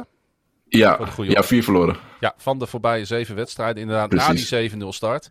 Ja, naar een toch ook middelmatig niveau de laatste weken. En um, ik wil dan toch even iemand de credits daarvoor geven. Uh, uh, uh, als het om deze wedstrijd gaat. Ik heb nog nooit eerder zijn naam volgens mij genoemd. Maar Aaron Glenn heet hij. De defensive coordinator van de Lions. Die geweldige schemes had staan deze wedstrijd. Waar ik als... ja, ik hou van defensive voetbal. Ik kan er ongelooflijk van genieten. En uh, Murray die kwam tot drie yards deze wedstrijd. En als je dat voor elkaar krijgt. En je weet ook nog eens je coverage goed neer te zetten. Ja, dan heb je het perfecte gameplan neergelegd. Ja, nee, zeker. De, ja, en ik denk dat Glenn ook een, een coach is waar, die, die goed past bij dit team. Dat dit ook iemand is die lijkt op Campbell. Ook een speler, uh, ook speler geweest niet al te lang geleden. Uh, kan nog goed met de boys communiceren en zit nog op één lijn met ze. En ik denk dat dat is wat je ziet bij Detroit. Dat ze, ze luisteren, ze hebben een plan. Het zijn niet de beste spelers, maar ze, ze voeren het uit naar al hun kunnen. En, en ja, iemand als uh, had een, had een, had een supergoeie wedstrijd uh, ja. inderdaad uh, op de cornerback positie. En al met al stond Lions stonden gewoon supergoed. En ik, dat hebben ze wel meer gedaan dit jaar. Want ik heb ze nog niet heel veel echt volledig weggespeeld zien worden. Oh. ja, het, ze hebben echt wel een paar keer met, met, echt, echt met petten naar gegooid. maar ja, goed. Ehm, eh, het is gewoon. Eh, weet je, deze jongens knokken ook voor hun laatste kans misschien in de NFL. Hè? Die willen ook een contractverlenging krijgen. Of opgepikt worden door een ander team. We moeten niet vergeten dat. Uh, um, dat, dat is ook een discussie die we vaak gevoerd hebben. Tanken werkt over het algemeen niet, omdat de general manager niet op het veld staat. Nee, precies. Precies, nee, dit, dit is inderdaad ook wat je wil zien, denk ik, als fan van zo'n team. Dan wil je gewoon zien dat je team strijd levert. En ik heb even de, de, de winstpartijen, de voornamelijk verliespartijen van de, van de Lions erbij gepakt. En behalve een enorme blowout tegen Philadelphia, is het toch nog wel redelijk tijd hoor. Uh, Denver ging er een keertje goed overheen, uh, twee weken geleden nu. Maar over het algemeen is het eigenlijk allemaal wel die, binnen 1, 2 possessions. Die uh, bizarre Ravens game natuurlijk met die Justin Ticker, Tucker uh, Precies. league, ja. league high record field goal. die hadden ze natuurlijk eigenlijk moeten winnen. Dus dat, het, alles zat ook wel een beetje tegen natuurlijk in die eerste fase van het seizoen. Zeker, zeker. Dus ik denk dat de Lions een stuk beter zijn dan, dan hun record laat zien. En dat als Lions-fan misschien wel die het meeste toekomst hebben in jaren. Want in ieder geval lijkt de cultuur en de coachingstaf nu goed te staan. Uh, en is het een kwestie van meer talent aanvullen. En zelfs Jared Goff ziet er niet slecht uit. Dus dat, uh, nou ja, die was hoop gewoon, dat je dat aan kan houden. Dat was de beste quarterback op het, field, op het veld. En ik denk dat het allergrootste compliment was... dat op een gegeven moment Cliff Kingsbury Murray van het veld haalde... en backup uh, Colt McCoy de wedstrijd liet uitspelen. Ja, dan werp je de handdoek en... Um, ik denk dat, uh, dat uh, iedereen tevreden naar huis is gegaan. Zeker Detroit's Craig Reynolds. Want hij rende voor een career high 112 yards. En uh, ook uh, uh, rookie receiver Amon Ra St. Brown. Man met misschien wel de mooiste naam in de NFL. Die noteerde een touchdown en 90 yards. En um, voor de tweede week op rij was dat trouwens. dat hij een season high neerzette. Dus ook die lijkt steeds meer in het spelletje te groeien en het niveau van de NFL aan te kunnen. Ja, nee, dat, dat is op papier nu een best receiver. Uh, ook wat betreft uh, potentie in de toekomst. Maar uh, die jongen ontwikkelt zich zeer goed. En het is ook mooi om te zien dat iemand die net gesigned is van de, de practice squad in Craig Reynolds zoveel kansen krijgt en het ook heel goed doet. Ik heb een leuk feitje voor jou, want wist je dat de bijnaam van Reynolds Netflix is? Nee omdat hij een week geleden nog op de bank zat Netflix ah, te kijken. Zo. ja, ik heb volgens mij wel voorbij horen komen, trouwens, nu het zegt. Maar inderdaad, ja, nou, super. Ik heb, uh, ik heb genoten van deze overwinning van de Lions. Niet alleen omdat ik een beetje weggeblazen werd door het feit dat die overwinning er was. Maar ook gewoon door de hele attitude inderdaad van het team. En dit maakt de NFL wat mij betreft leuk. Dit maakt Red Zone leuk om naar te kijken. En maakt het toch iedere keer weer de moeite waard om gewoon deze podcast op te nemen. Ja, nee, dat, uh, ik ben blij dat, uh, dat Detroit dat, dat voor je doet. En ik denk dat Dan Campbell dat ook absoluut als een groot compliment ziet. En wat dat betreft ben ik het helemaal met je eens dat de Lions aanzetten op een zondag zorgt in ieder geval voor een mooie avond. Ja, Dan, ik weet dat je luistert. Deze is voor jou, jongen. Hey, de Cardinals die krijgen de Colts op bezoek. En de Lions die spelen in Atlanta. En ja, als we, dan, als we dan toch de divisie moeten afmaken... Uh, dan uh, zijn de Packers nog over. Want uh, die moesten naar Baltimore, naar de Ravens. ik denk een wedstrijd waar heel veel mensen vooraf van hadden verwacht dat de Packers daar toch vrij makkelijk zouden winnen. Ondanks dat bijna nooit een team makkelijk in Baltimore wint. Maar gezien de waslijst aan afwezigen bij Baltimore en natuurlijk het ontbreken van Lamar, werd het toch nog ongelooflijk spannend op tent. Ik, heb, ik kan je vertellen dat ik niet meer op de bank stil kon zitten. Nee, dit was absoluut de beste wedstrijd uh, van de week. Uh, en niet alleen uh, voor jou, of nou ja, niet echt voor jou denk ik als Ravens fan, maar ja, alles zat er gewoon in. een, een, een, een jongen die zich voor het grote publiek ontwikkelt. Wat vond je van de Lamar-vervanger? Ja, Want, we moeten het even over Tyler Huntley hebben natuurlijk, hè? Dat lijkt me tenminste, ondanks dat de Packers gewonnen hebben, ja. lijkt me dat toch wel een van de grootste stories van, dit, van, van nou ja, deze wedstrijd in ieder geval. Ja, weet je, heel vaak als, um, als backup quarterbacks uh, een wedstrijd spelen, dan zeggen we uh, van het was eenmalig, uh, de tegenstander heeft zich er niet goed op kunnen instellen. Um, um, hij kan nu nog verrassen. En over een paar wedstrijden hebben ze hem door. En dan wint hij nooit meer een NFL-wedstrijd. En ik heb ergens het gevoel dat het bij Tyler Huntley anders is. Wat deze jongen liet zien in, in, in decision making, vond ik ongekend voor iemand die zijn eerste start maakte. Want hij deed eigenlijk alles goed. Sterker nog, ik heb zo'n wedstrijd dit seizoen, misschien van Lamar Jackson, wel nog niet gezien. Nee. Moet ik heel erg oppassen wat ik zeg, want de Ravens hebben ook wel een paar hele goede wedstrijden gespeeld hoor. Tegen bijvoorbeeld de Chiefs uh, en de Chargers begint dit seizoen, die ze gewoon verslagen hebben.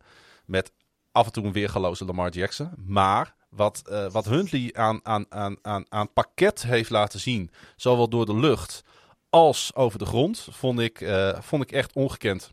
Ik heb zelden een uh, backup quarterback zo'n goede, zo goede wedstrijd zien spelen bij zijn eerste starten. Ja, en het, het mooie is dat hij, hij is misschien wel het dichtste bij Lamar van alle QB's in de league buiten Lamar. En hij speelt backup van Lamar. En ik moet je eerlijk zeggen dat, dat ik, ik, ik ben het helemaal met je eens, man. En ik, ik had deze jongen wel een beetje op mijn radar. Hmm. Want in preseason speelde hij ook al ongelooflijk goed.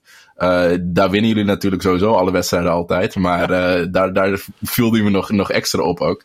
Uh, en hij was, toen hij uit de draft kwam, ik geloof drie jaar geleden nu, uit Utah was dat. En toen was hij ook, zeg maar, werd hij ook gezien als het kleine broertje van Lamar in, in hoe hij speelde. En ja, ik moet je eerlijk zeggen dat ik denk dat hij, dat hij wel een top 32 QB in de league is. En dat, dat hij nu gewoon achter een hele goede staat. Waardoor dat hij niet heel veel gaat spelen. Maar ik denk dat uh, Tyler ergens kan beginnen. Uh, misschien niet een top-end QB is right away. Maar wel iemand die ja, wedstrijden kan winnen. En wat je mhm. zegt, goede decision maker. Betrouwbaar is met de bal.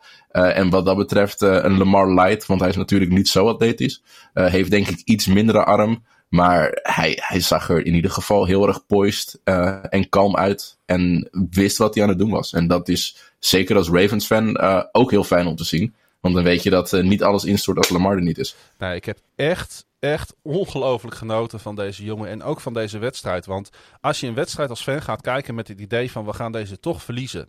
En je weet zo die wedstrijd neer te zetten. Je weet zo op het eind nog terug te komen. Want uh, mind you, ehm, de uh, Packers die gaven gewoon bijna even een voorsprong van 14 punten weg in het laatste kwart. Uh, waren het natuurlijk niet dat de Ravens hè, die two-point conversion natuurlijk uh, zagen mislukken. Maar het is natuurlijk niet echt des Packers om het zo erop aan te laten komen. Het is niet des Aaron Rodgers om het niet af te maken wanneer hij kans daartoe heeft. Zeker niet tegen deze secondary, waar nou, ik, ik, ik, ik, ik kende sommige spelers niet eens. Nee, het is. Uh, ja, Baltimore heeft zo'n raar seizoen. Dat, dat iedereen gaat kapot ook. Uh, en het, het is nog steeds lastig om in, in Baltimore te, te winnen. En ik ja. denk dat dat is, is wat je zondag gezien hebt. Dat wie er ook in staat, dat de cultuur en dat de wil er altijd is uh, om, om alles te geven en alles op het veld te laten. En dat je daar echt ja, alles moet geven om een overwinning eruit te kunnen halen. En dat zelfs een nou ja, superteam, top 3 team in de league als de Packers uh, met zoveel moeite uiteindelijk wint van allemaal backups. Ik denk dat dat iets is waar uh, Ravens fans trots op mogen zijn. En ondanks dat het niet meest is dit seizoen, uh, denk ik dat, er, dat het toch wel goed zit met de Ravens wat betreft ja, organisatie en, en hoe jullie ervoor staan. Ik denk niet dat dat een, een hot take is. Want dat is eigenlijk al sinds de oprichting van de Ravens zo. Uh, om het even heel uh, algemeen te trekken. Uh, wel moeten we natuurlijk even benoemen dat de zespunter van Rodgers op Marcos, Marquez veld is Candling. Um, dat was die touchdown um, in het vierde Met, kwart. Space Jam, de ja. Space Jam stretch. Dat was de, twee, de 442ste touchdown pass van Rodgers, waarmee je op gelijke hoogte kwam met Brett Favre. Natuurlijk ook een legende. Uiteindelijk uh, gooide uh, Rodgers 23 uit 31 voor 268. En over de voorbije vier wedstrijden gooide hij 13 touchdowns en 0 intercepties. Om toch maar even aan te geven hoe ongelooflijk stabiel hij op dit moment staat te ballen. En ik heb echt, want ik zie niet iedere wedstrijd van de Packers. Nu heb ik ze vier kwarten aan het werk gezien met Rodgers. Wat die man aan, aan, aan rust uitstraalt, aan, aan zelfvertrouwen. Het is ongekend. Ik vind zelfs dat Tom Brady uh, dat niet evenaart. Wat Rodgers uitstraalt als leider. Het is bijna arrogant. Uh, het is arrogant. Het is arrogant. maar als je dan de cijfers ernaast legt en de wins, dan mag je het ook zijn. Nee, nou, absoluut. absoluut. Het, uh, ja, Rodgers is wat je zegt, het, uh, het, het, is gewoon een, een, een, aura die, die het veld op komt. En het is anders dan bij Tom Brady. Want ja. Tom Brady is anders in controle, denk ik, dan dat, uh, dan dat Rodgers het is. Want ja, weet je, Rodgers is nog steeds iemand die ook echt kan toveren in één keer. Uh, en dat is, doet Brady een stuk minder. Dat is toch iemand die meer berekent. En Rodgers is iemand die meer tovert. Ja. Um, en ja, dat, als je dat dan hebt staan. Want la, laten we niet zeggen dat de Packers alleen Rodgers zijn. Want ik vind vooral hun defense eigenlijk heel erg positief opvallen dit jaar. Misschien dit weekend niet echt, omdat Baltimore toch veel kon scoren met een backup QB. Ik wil, uh, één, speler, uh, ik wil één speler er even uithalen. Ja. Eric Stokes. Ja. Want uh, wij hebben toen in de voorbeschouwing ja. gezegd... hebben we echt onze twijfels geuit over deze draftpick van de Packers. En hij heeft echt wel even nodig gehad om, om, om zeg, zeg, zichzelf in het veld uh, te, te boksen, zeg maar. Maar uh, ik vond hem echt een van de sterkhouders deze wedstrijd. Een hele seizoen al. Uh, ja. Hij vangt uh, de geblesseerde Jerry Alexander eigenlijk vlekkeloos op. En ja, dat is iets waar je de rookie absoluut credits voor moet geven. En ik moet je eerlijk zeggen dat de film die ik van hem gezien had, dat ik dat niet direct zag. super atletische jongen, absoluut. Maar ik denk, in het begin dacht ik dat hij nog een beetje de fijne kneepjes miste om echt gelijk impact te kunnen maken op die cornerpositie. Maar ja, gewoon supergoed ontwikkeld. En hij is nu al uh, dik en breed een starting corner. Met uh, hele mooie upside. En dat laat alleen maar zien hoe sterk het team ook wordt. Want als je dan Eric Stokes met uh, Jerry Alexander op de cornerback posities hebt staan. en dat aanvult met de defensive line die ze hebben. Rashawn Gary die steeds beter wordt. En ook een heel erg goed seizoen speelt op de D-line. Ja, dan, dan, dan heb je gewoon overal, behalve misschien op receiver, heb je gewoon echt wel echt kwaliteit staan. En de Packers zijn wat dat betreft uh, ja, gewoon een van de betere franchises uh, in de league. En ik denk, uh, wat ik al zei, misschien een Super Bowl contender. Grote vraag is natuurlijk hoe lang speelt Aaron Rodgers daar nog? Want daar valt of staat uiteindelijk dan ook weer alles mee. Maar, ik denk dat dit zijn laatste seizoen is. Denk je, de, denk je dat, het, dat hij zich heeft bedacht gedurende dit jaar? Nee, ik denk... Nou, ik vind het zo lastig. Want als ik hem dan zo weer zie spelen zoals afgelopen weekend... Ondanks dat ze het uiteindelijk als team lastig hadden... dan denk ik, ja, moet hij gewoon nooit weggaan. Maar aan de andere kant weet je ook uh, uh, dat als hij weer in Green Bay terugkeert en hij loopt de kantoren in, dat de sfeer om te snijden is. En daar heb je ook geen zin in. Je wilt ook in een prettige werkomgeving uh, je werk kunnen doen. Ja, nee, ik, ik zie hem ook gaan. zeker na wat Tom Brady gedaan heeft met naar Tampa Bay gaan. en hoe je. Rodgers wil gewoon meer het team naar zijn hand kunnen zetten, denk ik. Ja. En ik denk dat elke plek behalve Green Bay hem dat wil aanbieden. Hij moet natuurlijk, dus... naar, hij moet natuurlijk naar de AFC. En uh, ja, ik zou hem heel graag uh, nog één of twee jaar bij, Den bij de Denver Broncos willen zien, persoonlijk. Dat, dat zou echt voor hem ook de ideale. Dat, dat is denk ik misschien het team in de AFC wat ook het meeste op Green Bay lijkt. Uh, ja. Want die hebben eigenlijk ook alles boven de quarterback. Dus dat zou inderdaad voor beide partijen een, uh, een wonderschone uh, oplossing zijn. En daar zal Robert Jan ook heel blij mee zijn, denk ik. dat denk ik ook. Hey, uh, grote man bij de Ravens was natuurlijk toch weer Mark Andrews, die echt een monsterseizoen aan het draaien is. Met 10 catches voor 136 yards en twee touchdowns. Ik denk dat hij nu wel echt in, in, in het laadje uh, Travis Kelsey en, uh, en onze grote vriend van de 49ers. Ik ben even zijn naam kwijt. George Kittle. George Kittle natuurlijk. Uh, dat hij dat die daar nu wel bij, bij staat, hè? Ja, nee, absoluut. ik denk dat dat de top 3 is, ja. ja. Misschien met... En dan denk ik Kittle of Andrews als nummer 2. Kelsey nog wel koning. Maar Andrews heeft, heeft, heeft een topseizoen. En ik denk dat hij een van de weinige niet teleurstellende offensive wapens is uh, van de Ravens. Op de skill positions dan. Maar die ene bal die hij moest vangen, die ving hij niet. De two-point conversion. Uh, nou ben ik heel benieuwd wat jij daar als, uh, als aanvalscoach als, en als, als skill position player in, in de aanval van vindt. Heeft John Harbaugh gelijk om net als eerder dit seizoen bij de Steelers voor die two-point conversion te gaan? Ja, een hele lastige vraag, man. Heeft hij daar gelijk in? Ja, je moet de play hebben dan. Je moet de play hebben. En ik kan me de play nu niet helemaal voor de geest halen. De bal, maar ging, volgens... uh, de bal ging op rechts naar Mark Andrews, zoals die dat eigenlijk tegen de uh, Steelers ook ging. Alleen ik moet wel zeggen dat die line van de, en de safeties van de Packers, die waren er wel echt heel snel bij. En ik zag vlak voordat de two-point conversion was, was er nog een uh, moment dat John Harbaugh hem bij hem riep. En toen dacht ik van, ja, nu wordt het wel heel obvious. De, hè, nu laat je zien dat je afspraken aan het maken bent met Huntley en Andrews. Terwijl uh, je eerder op ditzelfde moment in de wedstrijd dat tegen de Steelers ook hebt gedaan.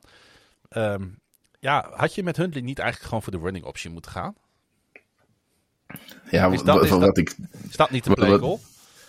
Ik, ik, ik kan niet. Ik, ik, en ik heb het playbook van de, de, de Ravens nu niet zo 1, 2, 3 ook nee, in mijn niet. hoofd. Maar het is een beetje.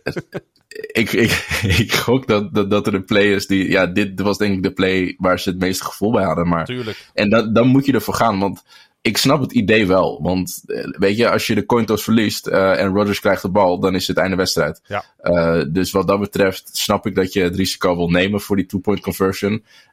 Ja, wat je zegt, het idee van misschien, want ja, ik, ik, ik weet het niet. Ik, ik snap het idee van dat ze ervoor gingen. Het pakt nu niet goed uit. Uh, het risico wordt genomen. Je ziet het steeds meer dit jaar in de, in de NFL dat coaches uh, hiervoor gaan. Ja. Want vroeger was dit altijd een, een, een kick geworden. Nou, ik ben, het, ik ben het inderdaad, om erbij aan te haken, helemaal eens met de keuze. 100% zelfs, want de Packers hadden tot dan toe in de wedstrijd iedere drive omgezet in een scoring play. Dat moet je al wat, uh, wat vertellen natuurlijk. Ja. En uh, ja, met, met, met de absoluut gehavende secondary. Uh, en eigenlijk het hele, hele defensive backfield van de Ravens. Want ze hebben overal hadden ze problemen. ja, is dit, was dit de enige juiste keuze? Was het de juiste play? Nou ja, daar kun je over discussiëren. Aan de andere kant, het past bij de Ravens. Het past bij John Harbaugh. En uh, iedere dag van de week zo'n coach in plaats van uh, een, een laffe loeder die, die, die er niet voor durft te, te, te gaan. Zeker. En no John Harbaugh no was vroeger... Sorry? No guts, no glory. Nee, ja, jammer genoeg waren het, was het ook geen glory deze keer. Maar de, de gods waren er in ieder geval zeker weten. wat ik wel misschien, want je zei nu welke vlees zou jij wel gelopen hebben. Wat, wat, dacht je van een, een fake kick dan? Zeker met jullie oud special team coach in John Harbaugh natuurlijk als head coach. Was dat niet de play geweest die zouden moeten lopen daar? Een fake, je, een, fake, een fake field goal poging? Ja. Oh ja, dat was wel. dat was, uh, ja, misschien. Misschien wel. En, en dat verwacht niemand, want omdat de, de PAT's worden nu van verder getrapt. Dus dan gaat niemand denken van, oh, daar gaan ze een faken. Want je staat natuurlijk, dan is het in één keer 10 yards die je moet overbruggen in plaats van 2. Dus misschien, als je luistert, John Harbaugh, dat, dat, voor de volgende keer is dat misschien de play om voor te gaan. De volgende keer als ik met hem ga lunchen, dan uh, zal, ik het, uh, zal ik het voorleggen. Hey, uh, de nederlaag betekent een einde aan Baltimore streak van 13 op volgende overwinningen op NFC-teams. Weet je. We, we kunnen wel, natuurlijk zijn de Ravens niet zo super goed dit jaar, maar wat dit team toch jaar in jaar uit neerzet is ongelooflijk. 13 op één volgende overwinning op NFC-teams. Alleen New England, dat tussen 2005 en 2009 17 op rij won, heeft een langere interconference winning streak sinds de 1970 EFL-NFL samensmeltingen. Dat wou ik toch even benoemen. Wat zegt het? Weet niet. Ik vind het wel mooi. Uh, de Packers die ontvangen Cleveland um, op Lambeau. En de Ravens spelen in Cincinnati toch wel een heel bepalend divisieduel.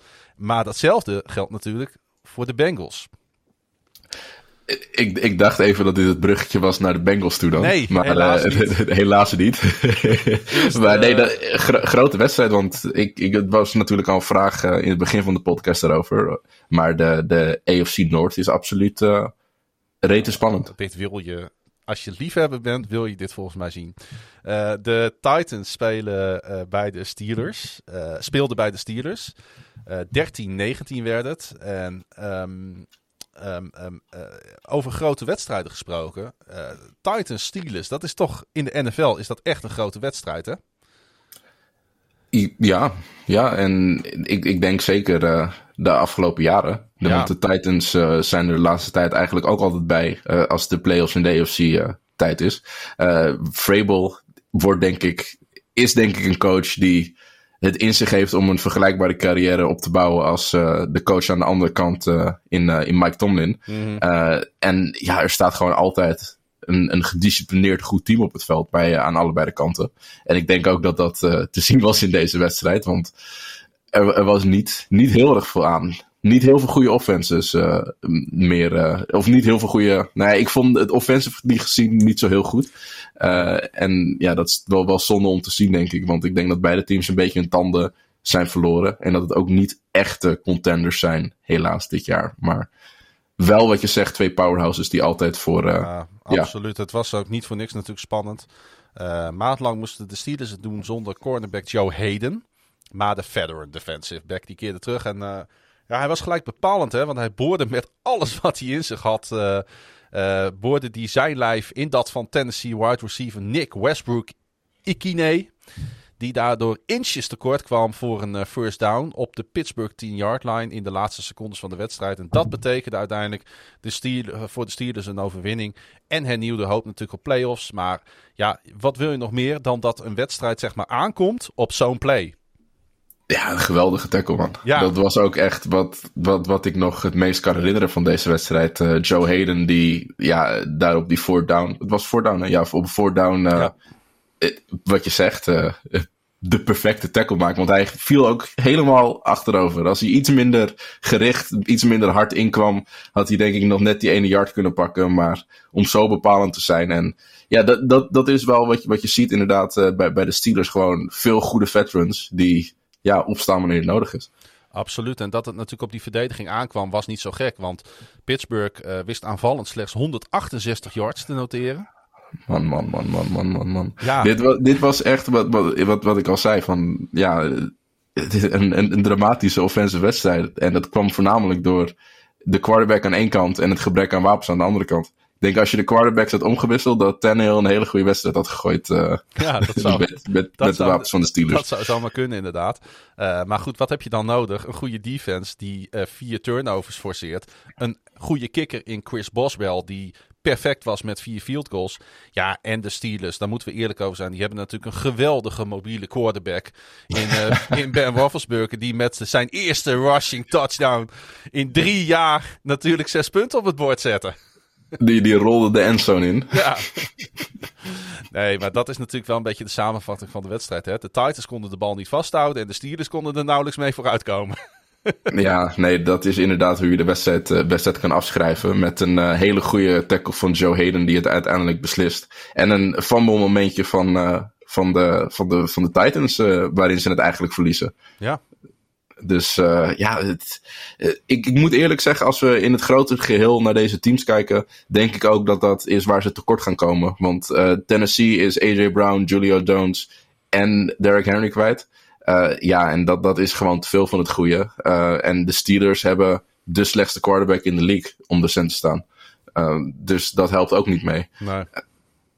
Dus ik, ik denk dat, dat deze teams vervelend gaan zijn om tegen te spelen de aankomende weken. Maar niet dat ze heel veel nog gaan doen na december. Ik uh, vrees het ook, hoewel die running game natuurlijk nog steeds wel liep. Hè? Meer dan 200 yards over de hele wedstrijd, waarvan 108 door Deonta Foreman. Ook weer zo'n naam die dan tijdens het seizoen opeens naar boven komt bubbelen. Dat is altijd mooi om te zien. Uh, ja, die was uh, volgens mij halverwege het seizoen pas getekend door ja, Tennessee ook. Daarom, dus dat is dan wel weer grappig.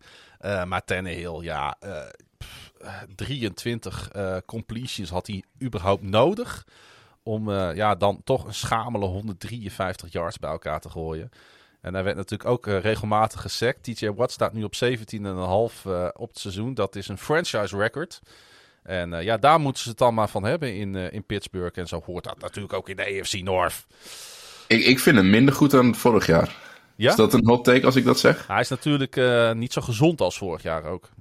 Precies, precies. En ik denk, ik denk dat de Pittsburgh defense ook een hele grote stap naar achter heeft gezet. Want de Tennessee Titans renden voor 202 yards en dat doen ze nog aardig. Ze, ze hebben gewoon een goede O-line staan uh, waar, waar achter je de bal kan bewegen. Maar de Steelers geven de laatste paar weken ook wel ongelooflijk veel yards op. Zeker over de grond. Ja. Uh, dus dat is uh, denk ik een, een, een, een matige trend voor Pittsburgh's fans om te zien. Maar ze hebben natuurlijk gewoon jongens als Watt, jongens als Hayden en jongens als Fitzpatrick. Die, uh, ja, je had ze al neergezet in het script, die, uh, die, die toch wel verschil kunnen maken. En die echt wel supersterren zijn op defense. Absoluut. Uh, en, en, en genot voor het oog wat dat betreft. Als je oog hebt voor dat soort schemes in ieder geval. Um, en wat ik dan wel grappig vond, want ondanks dat Big Ben natuurlijk ja, richting de uitgang van de NFL zich aan het begeven is. Hij ging 2004 NFL Draft Classmate Philip Rivers voorbij. Om op de vijfde plek te komen op de NFL's all-time yards uh, passing list.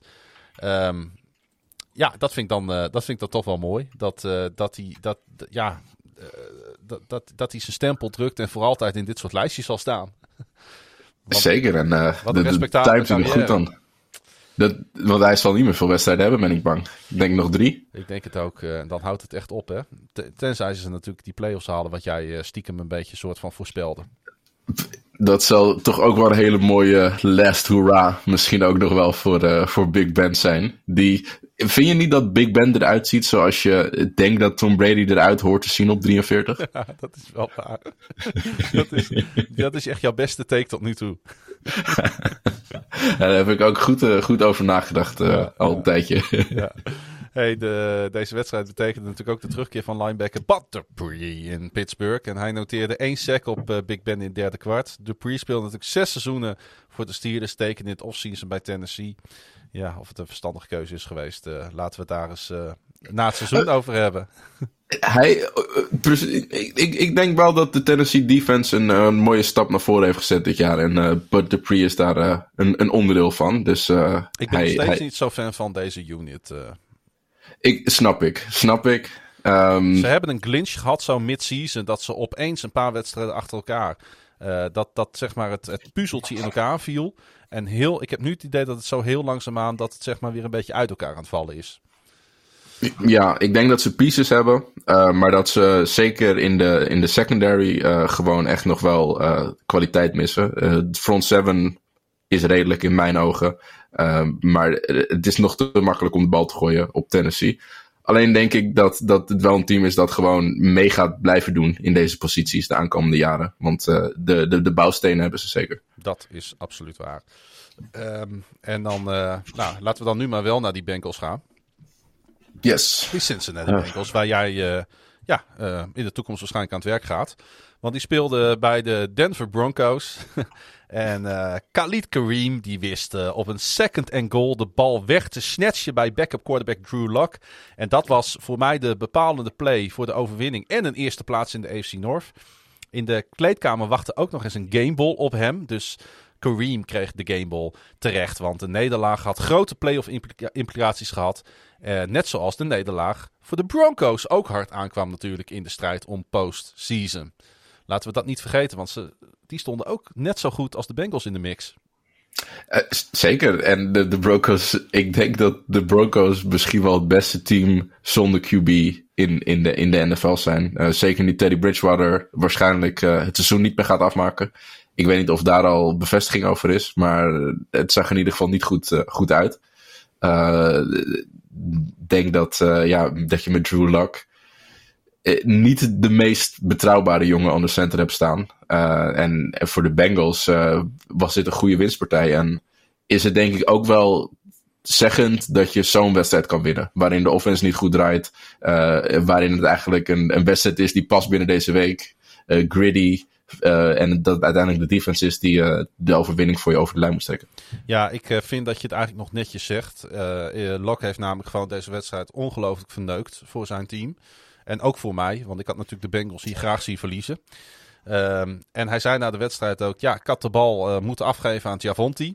En ik denk dat hij daar helemaal gelijk in heeft. Dat is uh, altijd een goed idee. Maar goed, uh, hij zei: Ja, wat als ik dat ding wel naar de endzone had gebracht? Dan hadden we nu al een gesprek gehad. Ik denk: Ja, wat een ongelofelijke kutopmerking. Uh, want dat heb je niet gedaan. Je hebt echt op een belachelijke manier die bal weggegeven aan je tegenstander. Terwijl je gewoon in winnende positie stond.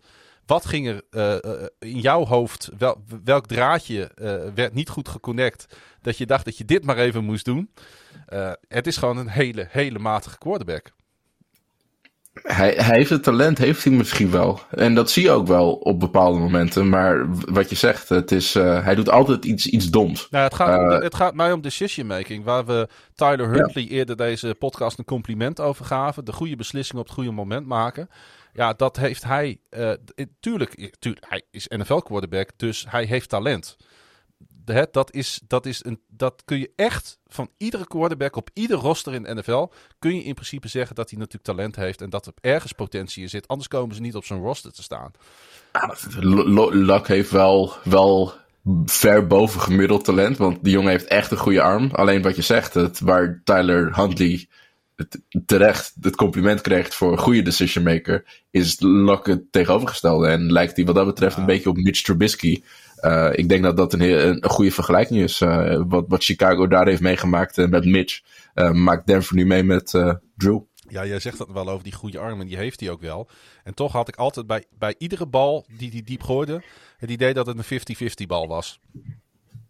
Hè? Ja, nee, je, nooit... je, hebt absoluut geen ongelijk, man. Ik was, no ik was echt nooit overtuigd. Ja, ik, want ik heb, ik heb het best wel voor hem opgenomen in seizoen 1 van NFL op woensdag namelijk. Omdat ik het ook wel fijn vond om naar te kijken af en toe. Ja. maar uh, nee, uh, dit, dit gaat hem gewoon echt niet worden. En ja... Um... Maar ik denk dat de quote die je nu gepakt hebt, dat die al best wel veel vertelt. Want ik denk dat Drew gewoon een beetje te veel zelfvertrouwen heeft. Ja. Um, dat, dat hij ook al aangeeft van, ja, eigenlijk had ik hem af moeten geven. Wat geen slecht idee was, want volgens mij had Javante weer een prima we uh, wedstrijd. Mm -hmm. uh, ik denk een van de meest opvallende offensive rookies van dit jaar. Um, maar dat je dan denkt van, ik kan het zelf ook wel. Ja, dat zie je vaak ook terug in die worpen van hem. Dat hij een, een, een bal die je eigenlijk niet kan gooien, dat hij dan toch denkt van, oh, ik ben goed genoeg om die, om die bal daar wel even neer te leggen. En ja, dat, dat kost je team gewoon heel veel punten. En ja. Denver fans uh, zullen wel wachten totdat Rodgers komt. Want Drew Lock is absoluut niet de toekomst daar. Nee, even om die play af te maken. Want er gebeurde nogal wat namelijk in die, in die halve minuut. Hè, in, uh, na die strijd op de bal struikelde Kareem naar de grond. Stond weer op, sprintte langs de Broncos sideline. Achtervolgd door left tackle Garrett Bowles. Die de bal uit zijn handen wist te hameren. En de fumble wist te recoveren op de 40-yard line van Cincinnati. Echter, na een review bleek dat Cream down was op de eigen 15-yard line. En de giveback, die werd daardoor helemaal teniet gedaan. Dat was echt even een rollercoaster aan emoties, die minuut. ja, ja. Ik, ik kan alleen maar eh, voorstellen wat Denver fans uh, gedacht hadden. Dat je bijna denkt dat je dan nog een tweede kans kan krijgen, heel cheap. Ja, precies. Nou ja, goed. Uh, de, de Broncos en Locke die kwamen uiteindelijk nog wel een klein beetje soort van in de positie om nog wat te gaan doen. Maar kwamen niet verder dan, de acht, dan 18 yards in 10 plays. Ook natuurlijk met complimenten voor de Bengals defense op dat moment. Uh, die, en ja, laten we daar niet aan voorbij gaan, zomaar eerste staan in de AFC North. Ja, en, en hoe? Jouw Want, toekomstig werkgever. Ja, ik, ik, ik vind het, ja, ik, ik, ik moet denk ik nog even zelf in het gebouw kijken van waar dat nou precies in zit. Want offensively was dit geen goede game voor de Bengals. Ze stonden defensively, defensively stonden ze goed. Tegen een Denver team verwacht je dat ook wel. Um, maar één, ik heb denk ze hebben één goede drive gehad. Die, die bal op Tyler Boyd is de enige echt goede grote play die ze gehad hebben in de hele wedstrijd. Ja, en, die werd, toch win je. En die werd eigenlijk ook nog een beetje ingeleid natuurlijk door um, een taunting uh, flag. Die absoluut onnodig was. Want uh, Brandon McManus moest uh, daarom kicken vanaf zijn eigen 20-yard line. Trent Taylor die returnde de bal vervolgens naar de Bengals 32. En dat, op de een of andere manier, bracht dat een soort van spark. Van oké, nu zit het een keer mee. We krijgen eens een keer een vlag mee. Uh, en twee plays later, 45 seconden later, rent Tyler Boyd in de endzone inderdaad voor een 56-yard touchdown catch van natuurlijk Joe Burrow. Wat 15-10 betekende. En dat was uiteindelijk ook de uitslag. Want in het vierde kwart werd er gewoon niet meer gescoord. Zo'n wedstrijd was het dan ook wel weer. Moet er ook hier niet al te veel woorden aan vuil maken? Nee, het, het, het was een week 15 wedstrijd, ja. Klaas. Ja, de spanning zat er in ieder geval wel op. Um, en dan misschien nog even uh, um, McPherson benoemen. Even McPherson. Want hij kikte namelijk een franchise record 58 yarden tussen de palen. De record stond uh, voorheen nog op naam van Randy Bullock uit 2019. 57 yards, dus één yardje minder. En uh, ja, dat was natuurlijk wel een hele knappe kick. Aan de andere kant, het was op mal high. Volgens mij was het weer redelijk. En als het ergens kan, dan is daar natuurlijk. Nou ja, dat is een mooi record voor de rookie. Dus uh, die kan hij in zijn stak steken. Absoluut. De Bengals die hosten de Ravens op tweede kerstdag. We zeiden het al. En de Broncos die reizen af naar Viva Las Vegas. Las Vegas. Ja, de Raiders die uh, niet blij waren, we benoemden het al, met het cancelen van hun wedstrijd afgelopen zaterdag in Cleveland. Maar uh, uh, uh, ja, ze konden zich wat dat betreft uh, beter druk maken over het cancelen van hun postseason kansen. En dat deden ze. Getuigen een game-winning 48-yard field goal van Daniel Carlson, die een geweldig seizoen speelt, tegen de door COVID-19 getroffen Browns. Um, ik heb deze hele wedstrijd lekker zitten kijken. Ik vond het he oh. heerlijke. Nou ja ik, ja, ik kan wel genieten van zo'n wedstrijd. Oké, nee, dat is mooi. Dat als je, als je kan genieten van defensive voetbal, dan, dan, dan was het goed dat je hem aan had gezet. Ja, en hij was om 11 uur, hè, afgelopen maandag. Uh, nee, dinsdag. Ja. Wanneer was hij nou? Was het maandag? De, gisteren, toch? Ja. Nee, maandag was maandag hij. Maandag was hij al, inderdaad. Ja. En hij werd om 11 uur gespeeld, dus die was ook nog een beetje op een christelijk tijdstip afgelopen. Ja. Um, maar uh, wel een echt. Je hebt Nick Mullins heb jij live aan het werk gezien. Ja, die het trouwens, uh, die, die het trouwens heel redelijk deed, vond ik heel stiekem. Ik vond het toch wel uh, knap. Maar goed, uh, hij, hij heeft natuurlijk in San Francisco ook geen hele beroerde indruk achtergelaten. Nee, absoluut niet. Ik, ik ben altijd wel redelijk positief over Nick Mullins. Maar uh, Robert Jan, uh, die, die, die zeikt me altijd af als ik, als ik het voor hem op probeer te nemen. ja, het is gewoon een, een system QB. Ja. Die, weet je, hiervoor kan je hem redelijk gebruiken. hij deed wat denk ik van hem verwacht werd. Niks bijzonders. Um, maar hij heeft het ook niet verpest voor de Browns. Nee, maar goed, als je dan toch uh, quarterbacks mist en je hebt hem achter de hand, dan heb ik al iedere dag van de week zou ik voor Mullins kiezen en niet voor Drew Lock. Maar goed. nee, dat ben ik 100% met je eens. Dat ben ik absoluut met je eens. dan, zeker als backup wil je iemand hebben die, die het niet verpest. wat, wat Handley nog een compliment naar hem toe. Dit is heel goed deed. Ja. Uh, en Nick Mullins hier ook. Uh, en waar uh, Luck eigenlijk steeds het tegenovergestelde van maakt. maar het was niet genoeg, want Las Vegas won hem. Ja, ehm, ehm, ondanks natuurlijk dat ehm, eh, de Browns van een 10-0 achterstand in het derde kwart naar een 14-13 voorsprong uh, wisten te klimmen. Met natuurlijk die 6-yard touchdown pass op fourth down naar Harrison Bryant. Met toen nog 3.45 op de klok. En toen gebeurde er iets heel raars. Want ik dacht van, er is tijd genoeg voor Las Vegas om een rustige drive neer te zetten.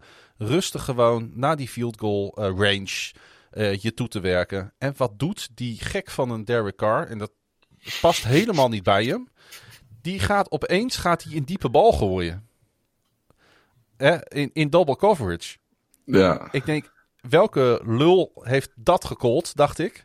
En als het al gecallt wordt uh, uh, uh, vanaf de zijlijn, dan moet je er altijd nee tegen zeggen. Maar volgens mij mag Carr ondertussen zijn eigen plays callen. Dus hij zal iets gezien hebben wat de rest niet zag. Greedy Williams, die, die ving die bal. En ja, toen leek, en, en, en, en, en de dog pound, die, die, die ontplofte ook.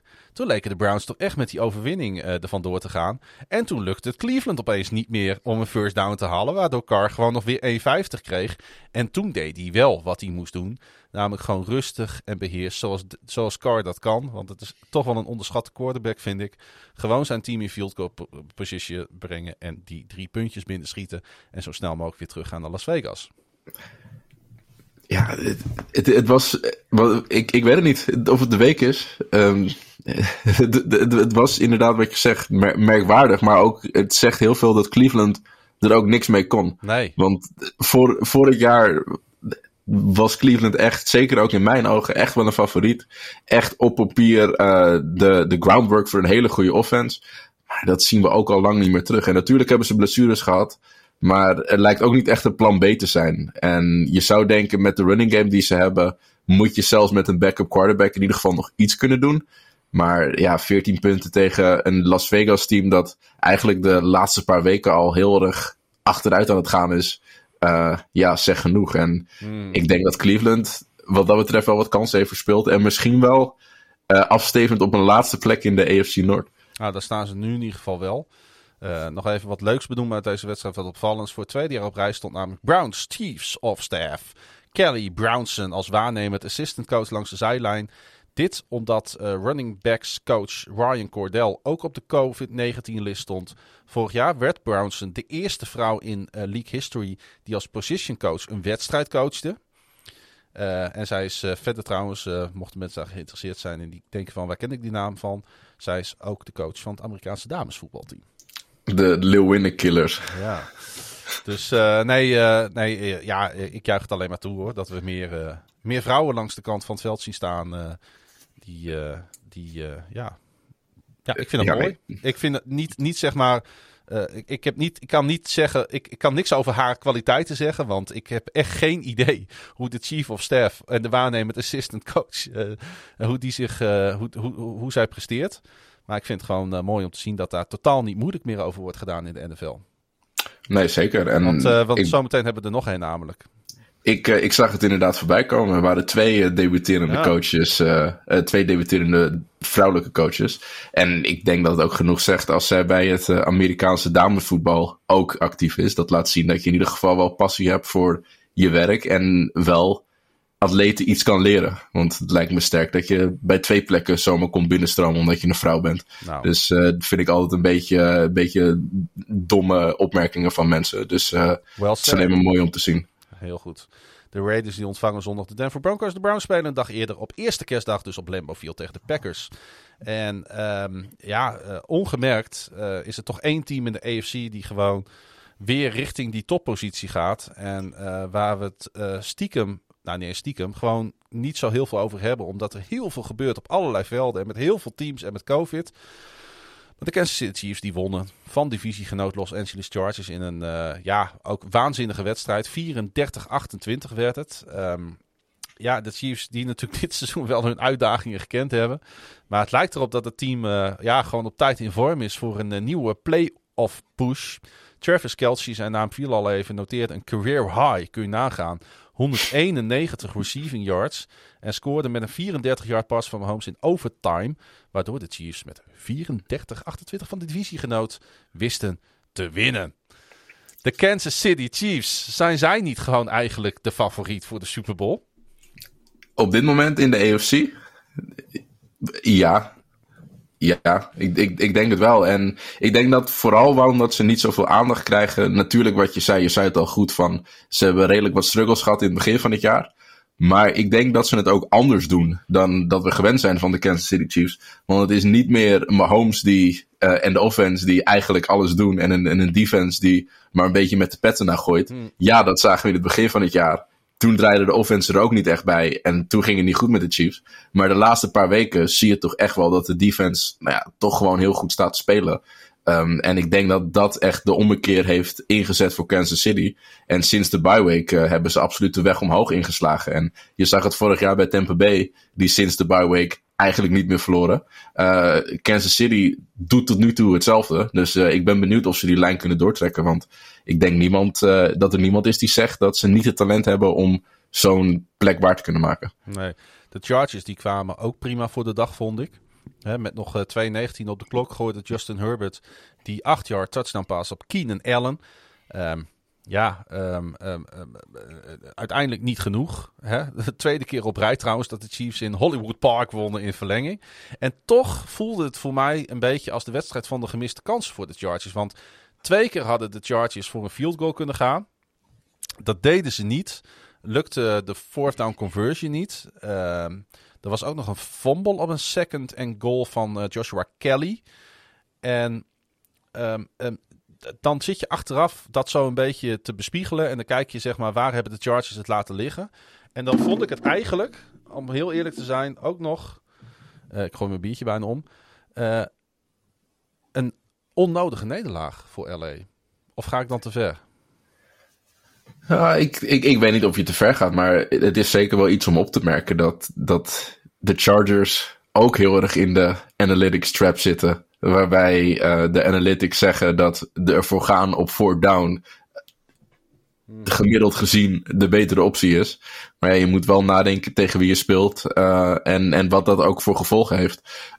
En ja, ik denk dat je, dat je het goed zegt als je zegt dat de Chargers eigenlijk gewoon kansen verspeeld hebben door te veel te willen gokken.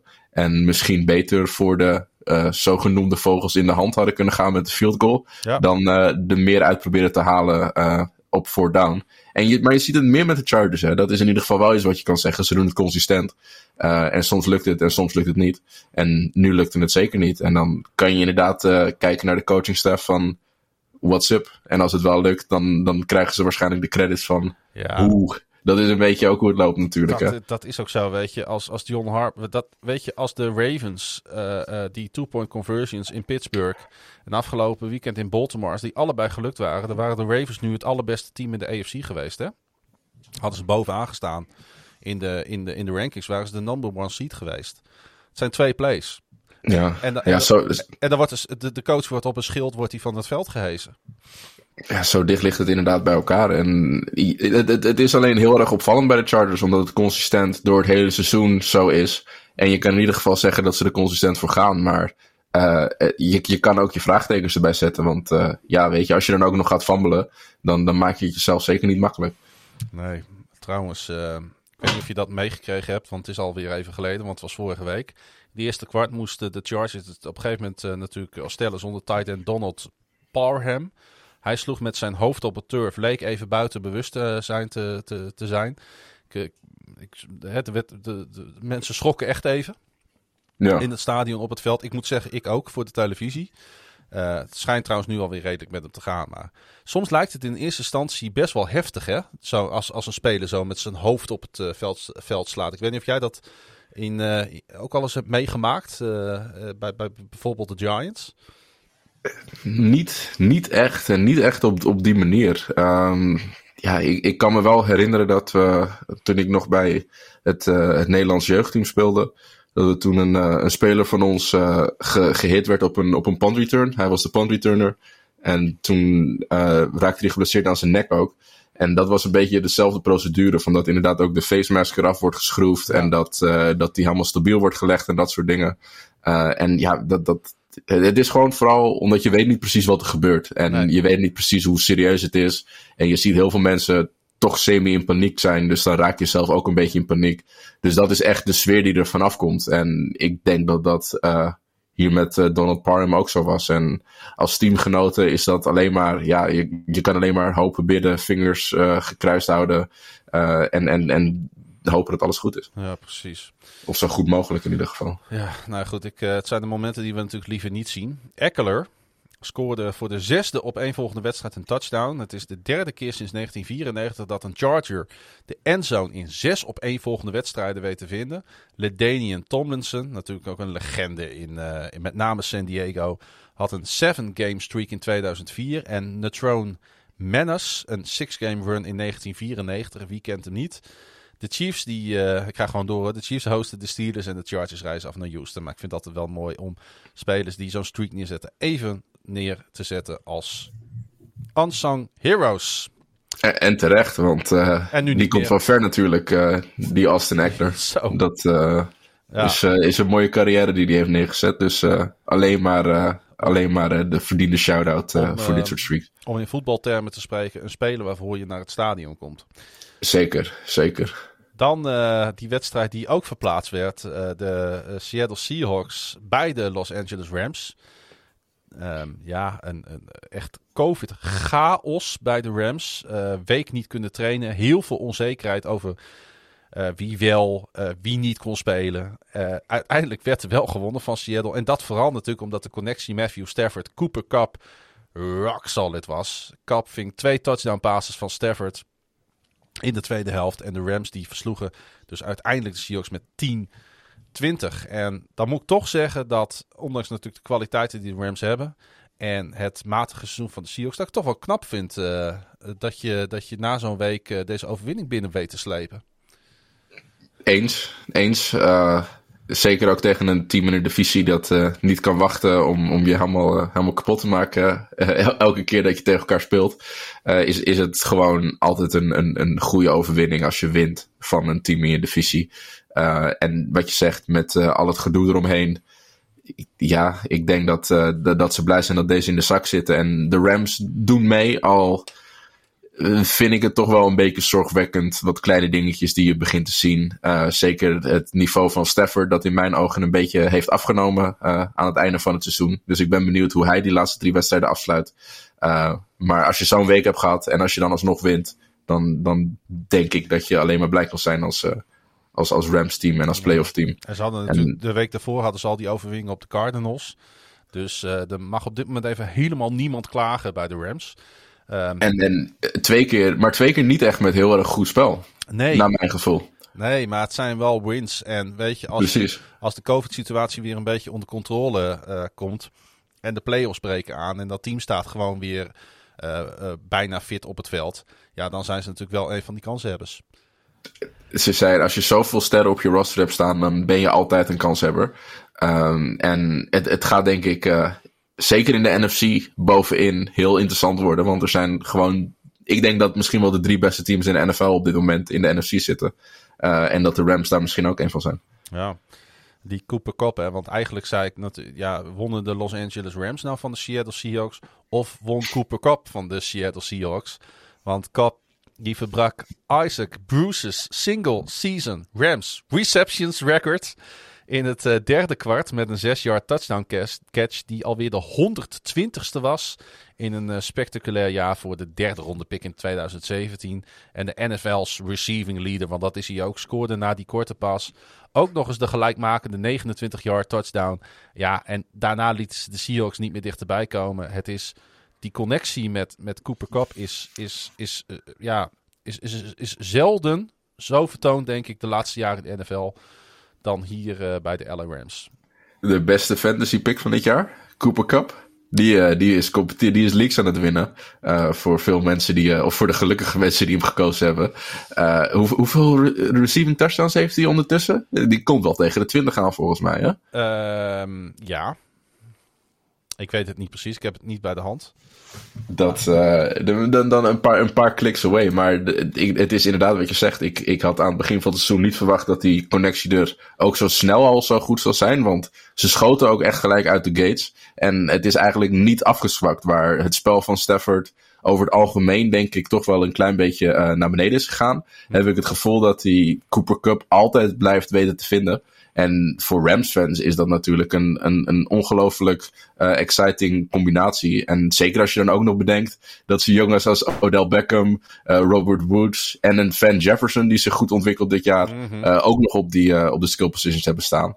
En het, het, het, het roster is gewoon loaded bij de Rams. Ja, en ze hebben ook nog een speler op het roster staan die altijd op je roster... Ik denk dat, dat, dat 32 teams deze man op hun roster willen hebben staan. En zijn naam is Sony Michel. Die gewoon altijd van waarde Had je dat vorig jaar ook al gezegd? ja. Ja, want ik denk wel dat dit een speler is die altijd weer boven komt drijven. Ik vind het een beetje de... de, de, de ja, ik, hij doet me niet, niet hoor, uh, qua spel en bouw heel klein beetje aan Patterson denken van de Falcons. Ook een mm -hmm. speler die altijd, als hij op je roster staat, daar heb je altijd wat aan. Dat is eigenlijk nooit een miskoop. Nee, nee, en hij, hij maakt het waar, ja. Dat, uh, dat, daar heb je absoluut gelijk in. En ik, ik denk ook dat hij goed past voor uh, wat de Rams willen doen. Want de Rams, uh, vergis je niet, de combinatie tussen Cup en Stafford is mooi. Maar in essentie zijn zij gewoon een running team. Juist. En daar past hij gewoon, ja, daar past hij heel goed in. Want hij heeft, zeker denk ik met Daryl Henderson nu, denk ik dat ze een, een, een hele interessante running back combinatie hebben.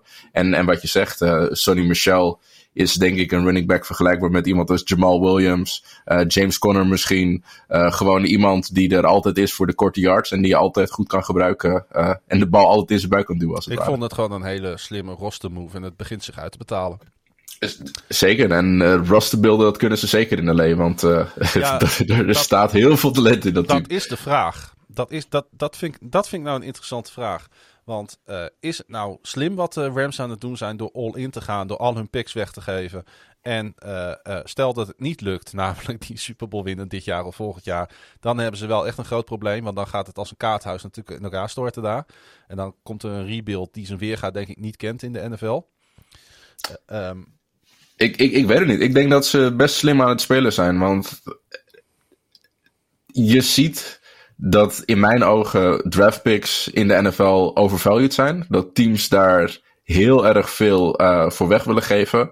Uh, en dat het eigenlijk toch nog heel erg gok is. Want ondanks dat er een ongelooflijk goede QB-draft op papier was, zie je dat eigenlijk, behalve Mac Jones, niemand nog heel erg opvalt van de quarterbacks. Uh, daarnaast zie je dat er steeds meer mensen later in de draft gelijk meer een impact gaan maken. Um, ik denk dat het algemene niveau in de draft gewoon heel erg omhoog gaat. Waarin je gewoon ook nog starters kan vinden in ronde 4, 5, 6. Dus zolang ze die picks kunnen behouden, denk ik dat ze nog wel goed zitten. Uh, alleen, ja, je gaat natuurlijk wel zien dat het uh, op een gegeven moment lastig wordt om jongens zoals Aaron Donald, uh, Jalen Ramsey, Von Miller, Robert Woods, Odell Beckham, ja. Cooper Cup. Dat zijn natuurlijk wel allemaal premium price spelers. En die kan je niet allemaal op je roster houden. Precies, maar een belangrijke overwinning was het dus wel. Zeker na die drie verloren wedstrijden in november. De Rams staan nu gelijk met de Cardinals.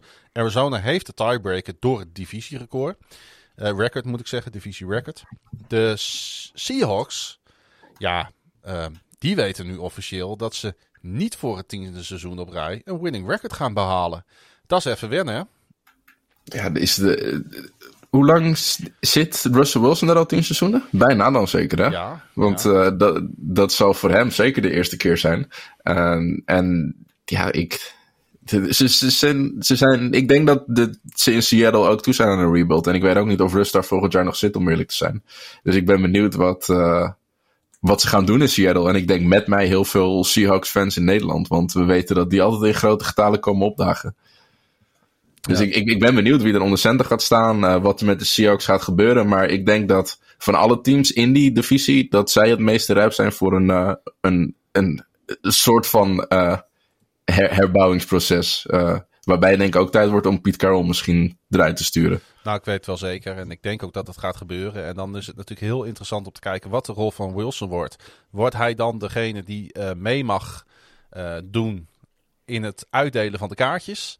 Of nemen ze ook afscheid van hem en gaat hij zijn hel elders zoeken? Dat is natuurlijk de grote vraag die uh, dit offseason op tafel komt te liggen in, uh, in Seattle. Waar natuurlijk nog wel nog steeds een hele aardige defense staat. Want ik heb, ik heb die eerste helft zitten kijken en ik heb echt bij tijd en wijle heb ik, uh, genoten van de Seattle uh, defense. Uh, met name Carlos Dunlap, die in vorm was, verantwoordelijk was voor drie van vier sacks. En hij bracht heel vaak pressie op, op Stafford. Von Miller noteerde trouwens zijn eerste sack in dienst van, van de Rams. Nu pas. Aaron Donald kwam ook één keer bij Wilson en noteerde zijn 17e sack in 17 wedstrijden tegen Wilson. Vond ik ook een mooie statistiek. Ja, maar dat is zo'n cheatcode, die Aaron Donald. Hè? Dat, uh, dat, dat slaat helemaal nergens op. Uh, het verbaast me ook niet dat hij zo'n statistiek heeft, uh, heeft staan. Nee.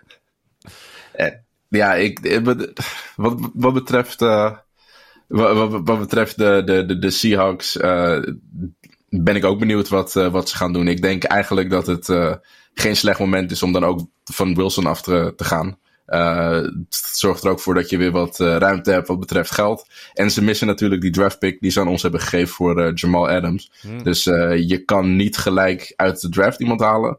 Maar misschien iemand als, als Huntley. als nieuwe quarterback in, in Seattle. Ja, wie zal het zeggen? Ja, ik wil, eigenlijk wil hier nog helemaal niet over nadenken. Want ik ben veel te blij dat Huntley nog op de posten bij de Baltimore Ravens staat. Uh, de Seahawks die hosten Chicago. Hè, de wedstrijd waar uh, mijn uh, co-host Pieter natuurlijk bij is. En de Rams die reizen af naar Minnesota. Ehm, blijft over in, in die divisie, in de NFC West, de San Francisco 49ers. Want eigenlijk ieder team is, is leuk om over te praten in deze fase van het seizoen. Want uh, ik, ik vind het echt waanzinnig hoe die 49ers zich in dit seizoen geknokt hebben. En uh, ze lijken richting de playoffs ook nog eens in vorm te raken. Want vijf van hun laatste zes wedstrijden werden gewonnen. En afgelopen zondag werden de Falcons, die natuurlijk ook nog streden voor playoff deelname, uh, ja, toch wel kinderlijk eenvoudig aan de kant gezet. Ja, en gaan we het ook nog over de, de refs hebben hier? Want dit was misschien wel de, de slechtste beslissing die ik in echt hele lange tijd gezien heb dat die touchdown van, uh, dat die touchdown van Patterson, van eh, Patterson uh, ja. afgekeurd was. Terwijl die een half een meter in de endzone lag. Dat was, dat was echt 100% een touchdown, hè? Ja. ja. en ook in het begin van de game nog. Dus uh, misschien had er meer in gezeten voor Atlanta. Alleen wat je zegt klopt helemaal. zeker op defensive gebied hebben de 49ers zich gewoon heel goed herpakt. En ik denk dat ze ja, zich vrij makkelijk van de Falcons afhandig hebben gemaakt. En absoluut een team zijn dat ik denk de playoffs gaat halen. En uh, ja, ook gewoon uh, het seizoen sterk gaat afsluiten. Ja, en wat dat betreft was het natuurlijk ook een beetje uh, het, het, grote kwaliteitsverschil tussen de Falcons en de 49ers. Is denk ik dat de 49ers, die deden het wel op de bepalende beslissende plays. En de, de, de Falcons niet. En ik denk dat je, dat is een hele simpele samenvatting van een wedstrijd waar nog veel meer gebeurde. Maar ik denk dat we hier toch het echte gezicht van de Atlanta Falcons gezien hebben. Ja, ja, eens. En dat is ook het verschil tussen een goed team en een team dat de playoffs niet gaat halen. Ja. Uh, op dat soort momenten uh, maakt zo'n team zo'n verschil. Uh, en zelfs als je naar de 49ers kijkt met zoveel blessures, want Elijah Mitchell, die nu al een tijdje er niet bij is, uh, maakt in mijn ogen nog een heel groot verschil. Dat is ook iemand die voor de playoffs uh, weer op tijd fit kan worden. Ja. Uh, en wat een, wat een hele goede editie weer wordt voor San Francisco. Dus wat je zegt, ze, ze zijn beslissend. Op beslissende momenten zijn ze goed. ze lijken op het juiste moment stoom op te bouwen. Uh, en ik ben benieuwd wat uh, San Francisco nog, uh, nog gaat doen deze, deze laatste week. Ja, ja ik ook. En, en, de Falcons zijn klaar, denk ik. Ja, want zeker als je kijkt hoe zij het doen zeg maar, tegen de contenders in hun conference. Want de Falcons die zijn outscored met 23,8 punten per wedstrijd in alle vijfde wedstrijden. Die ze verloren hebben tegen teams die momenteel een winning record hebben. Dus ze kunnen het over het algemeen kunnen ze het heel aardig brengen tegen de gelijk gestemde teams. Of teams die net even wat slechter zijn. Dan ja, dan pakken ze echt wel hun wins. Het is uh, geen 0-17 team. Maar op momenten dat, dat het kan en dat het moet, ja, dan geven ze gewoon echt niet thuis. En die eerste drive is daar gewoon een goed voorbeeld van. Waarin ze gestopt werden op de goal line. Uh, zo begonnen ze dus de eerste helft. Hè? Ondanks dat het een touchdown was, ze werden wel gestopt. Tweede helft verloren ze een fumble na een strip sack van Nick Boza. Um, uh, en die fumble recovery werd door Fred Warner. Kwam twee plays nadat Ebukam de tweede helft opende met een sack. Dus echt op die momenten dat het om gaat. Het, ik vond het wat simpel om het zo te zeggen, dus ik wou het ook nog even schetsen. dat vind ik zo knap van de 49ers. Dat ze de afgelopen weken laten zien van jullie zijn nog niet van ons af. En ja, dan moeten we toch ook de naam van Jimmy Garoppolo even noemen. Ehm, want hij ja, verguist een beetje, soort van. Beetje, ja, en nu in de luwte, in de schaduw zeg maar een beetje van de NFL. Heel stiekem is hij zonder dat er heel veel aandacht voor hem is, is hij toch een goed seizoen aan het draaien. Ja, ja ik vind, ik vind het nogal lastig om over Garoppolo te zeggen. Want in mijn ogen is, is hij heel erg uh, het bijproduct van uh, Kyle Shanahan. Uh, die daar de offense leidt. Um, en ik, ik denk dat het systeem van Shanahan ook de laatste weken meer is gaan klikken. En waar uh, Ayuk, uh, Kittle, uh, waar die weer belangrijk werden. En natuurlijk, Garoppolo gaat er ook in mee. En waar Garoppolo gewoon ultiem goed in is, is niet Drew Luck zijn. en geen domme dingen doen en de bal niet overturnen. en als je jongens als Samuel, jongens als Ayuk, jongens als Kittle hebt, dan is het ook een stukje makkelijker quarterback spelen. Al is dat natuurlijk ook wel weer heel makkelijk gezegd, want hij doet het ook. Dus uh, je, je hebt zeker gelijk in het feit dat hij uh, beter is gaan spelen naarmate de uh, 49ers beter zijn gaan spelen. Maar ik ben nog steeds benieuwd wat hij nou in de playoffs gaat doen. Want dat hij het in het regular season niet kan verpesten en een goed genoeg record kan halen om de playoffs te halen, weten we. maar nu is het nog de vraag van wat ga je doen op de beslissende momenten als we voor die Super Bowl moeten gaan. Oké, waarvan akte? Nick Bosa, die uh, had... Uh, moet ik even kijken hoor. de Bosa sec, want daar wou ik het over hebben, was zijn vijftiende van het seizoen. alweer de zesde wedstrijd op rij met een sec. Ja, dat is toch wel een waanzinnige speler. De langste streak van de 49ers sinds Elton Smith. Dit zeven wedstrijden op rij deed in 2012. En Bosa heeft nog 4,5 seks nodig om Smiths franchise record uit datzelfde jaar te evenaren. Dus dat wordt nog wel spannend voor hem of hij dat in de komende drie wedstrijden natuurlijk kan neerzetten.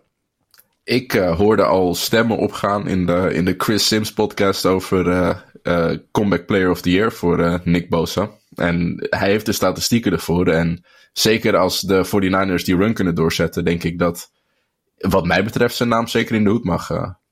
Eens. De Falcons die hosten trouwens de Lions en de 49ers reizen af naar Tennessee voor Thursday Night Football. Dus op het moment dat je deze podcast aan het luisteren bent, is die wedstrijd al heel erg snel. Dan, uh, ja, uh, de vraag is eigenlijk, was de uitslag in Detroit de meest verrassende uitslag van afgelopen weekend of deze in Tampa Bay? Ik, ik, ik denk Detroit. Ik denk dat ik hier de New Orleans Saints uh, heel veel credits ga geven. Want uh, er is één ding dat je kan zeggen over New Orleans. En dat is dat ze het nummer van Tom Brady redelijk hebben. Uh, en ja, dat hebben ze laten zien dit weekend. Ja, Pieter heeft een vraag over deze wedstrijd. Hij begint ook zijn vraag met: Ik heb een vraag. Waar de kennis van NFL op woensdag. Goede podcast is dat trouwens misschien wel de beste Nederlandstalige NFL-podcast. Dankjewel, Pieter. Anyway, dit is mijn vraag. Hebben we bij Sunday Night Football de Tom Brady gezien zoals hij zou spelen als hij voor de Bears had gekozen? nou, misschien wel. Alle wapens uh, waren uitgevallen op een gegeven moment. Niemand meer om naar te gooien. Uh, de offensive line die er voor het eerst in wat anderhalf, twee jaar niet goed uitzag, misschien wel. Uh, ja, wie weet.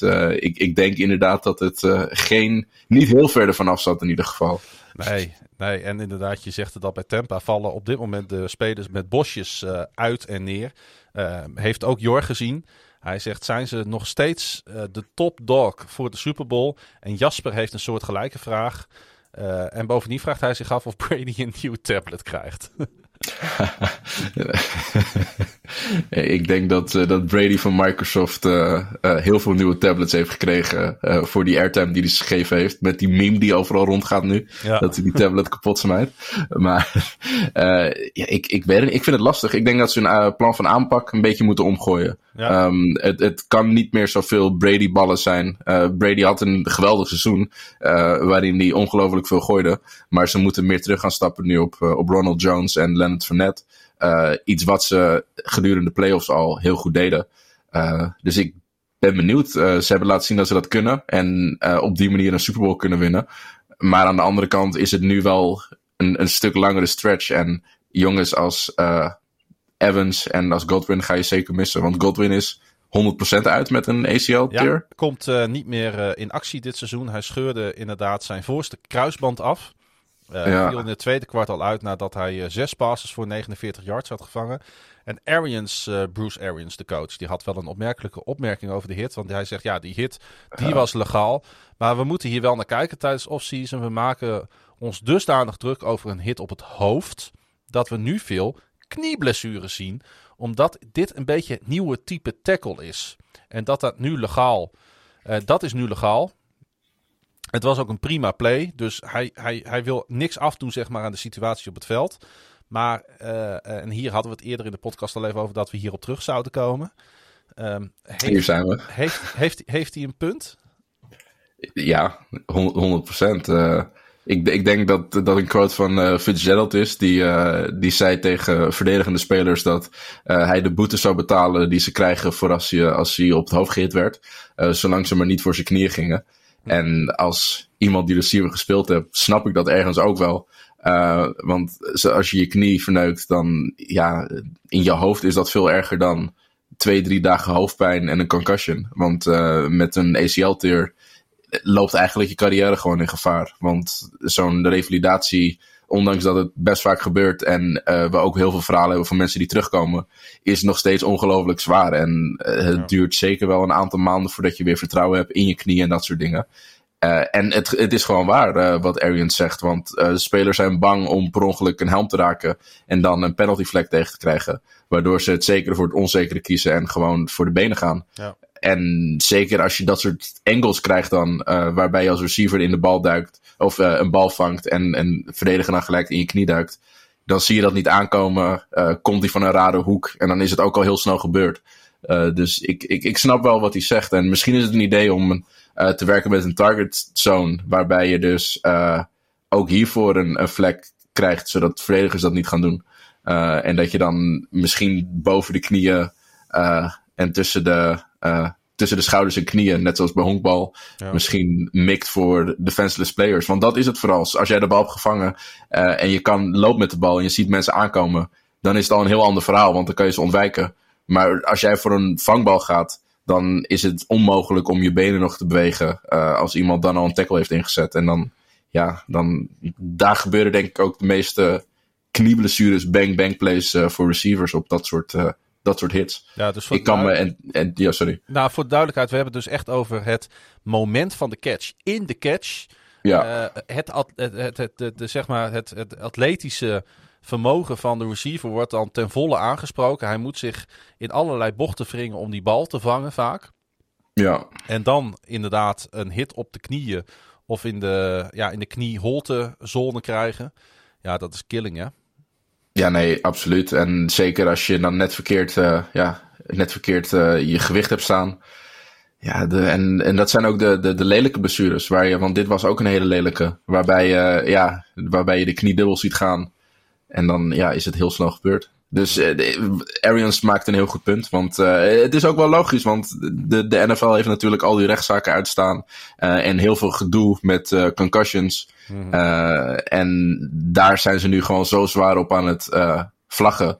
Dat de verdedigers de enige optie zien om, om iemand op de knieën te hitten. Want dan weet je zeker dat je niet aan zijn helm komt. Dus het, het is een beetje de positie waarin verdedigers geforceerd worden door de league. Uh, wat voor dit soort situaties zorgt. Nou, goed dat deze discussie gevoerd wordt. Uh, en dat Arians het aanzwengelt. Uh, maar dan, dan, toch even over de shot-out. Marijn, die wil de shot-out van Brady graag nog even invrijven, geeft hij bij ons aan. want het was natuurlijk vooral dankzij het beste defensive optreden van het seizoen dat de Saints de Buccaneers met 9-0 uh, versloegen in een toch opvallende Sunday Night Football. Misschien niet per se de overwinning, maar natuurlijk wel de uitslag van 9-0. De aanval van de thuisploeg die begon aan de wedstrijd met een gemiddelde NFL best 410 yards per wedstrijd. Maar kon tegen de Saints echt niet in het ritme komen. Brady werd vier keer gesackt. Noteerde een teleurstellende 26 uit 48 voor 214 yards. Eén pick en natuurlijk een lost fumble. Waar die even dacht dat hij Lamar was. Uh... Ja. nou, die heeft ook wel zijn fumble verloren trouwens. Dus ergens klopt, uh, dan klopt het misschien ook nog wat je zegt.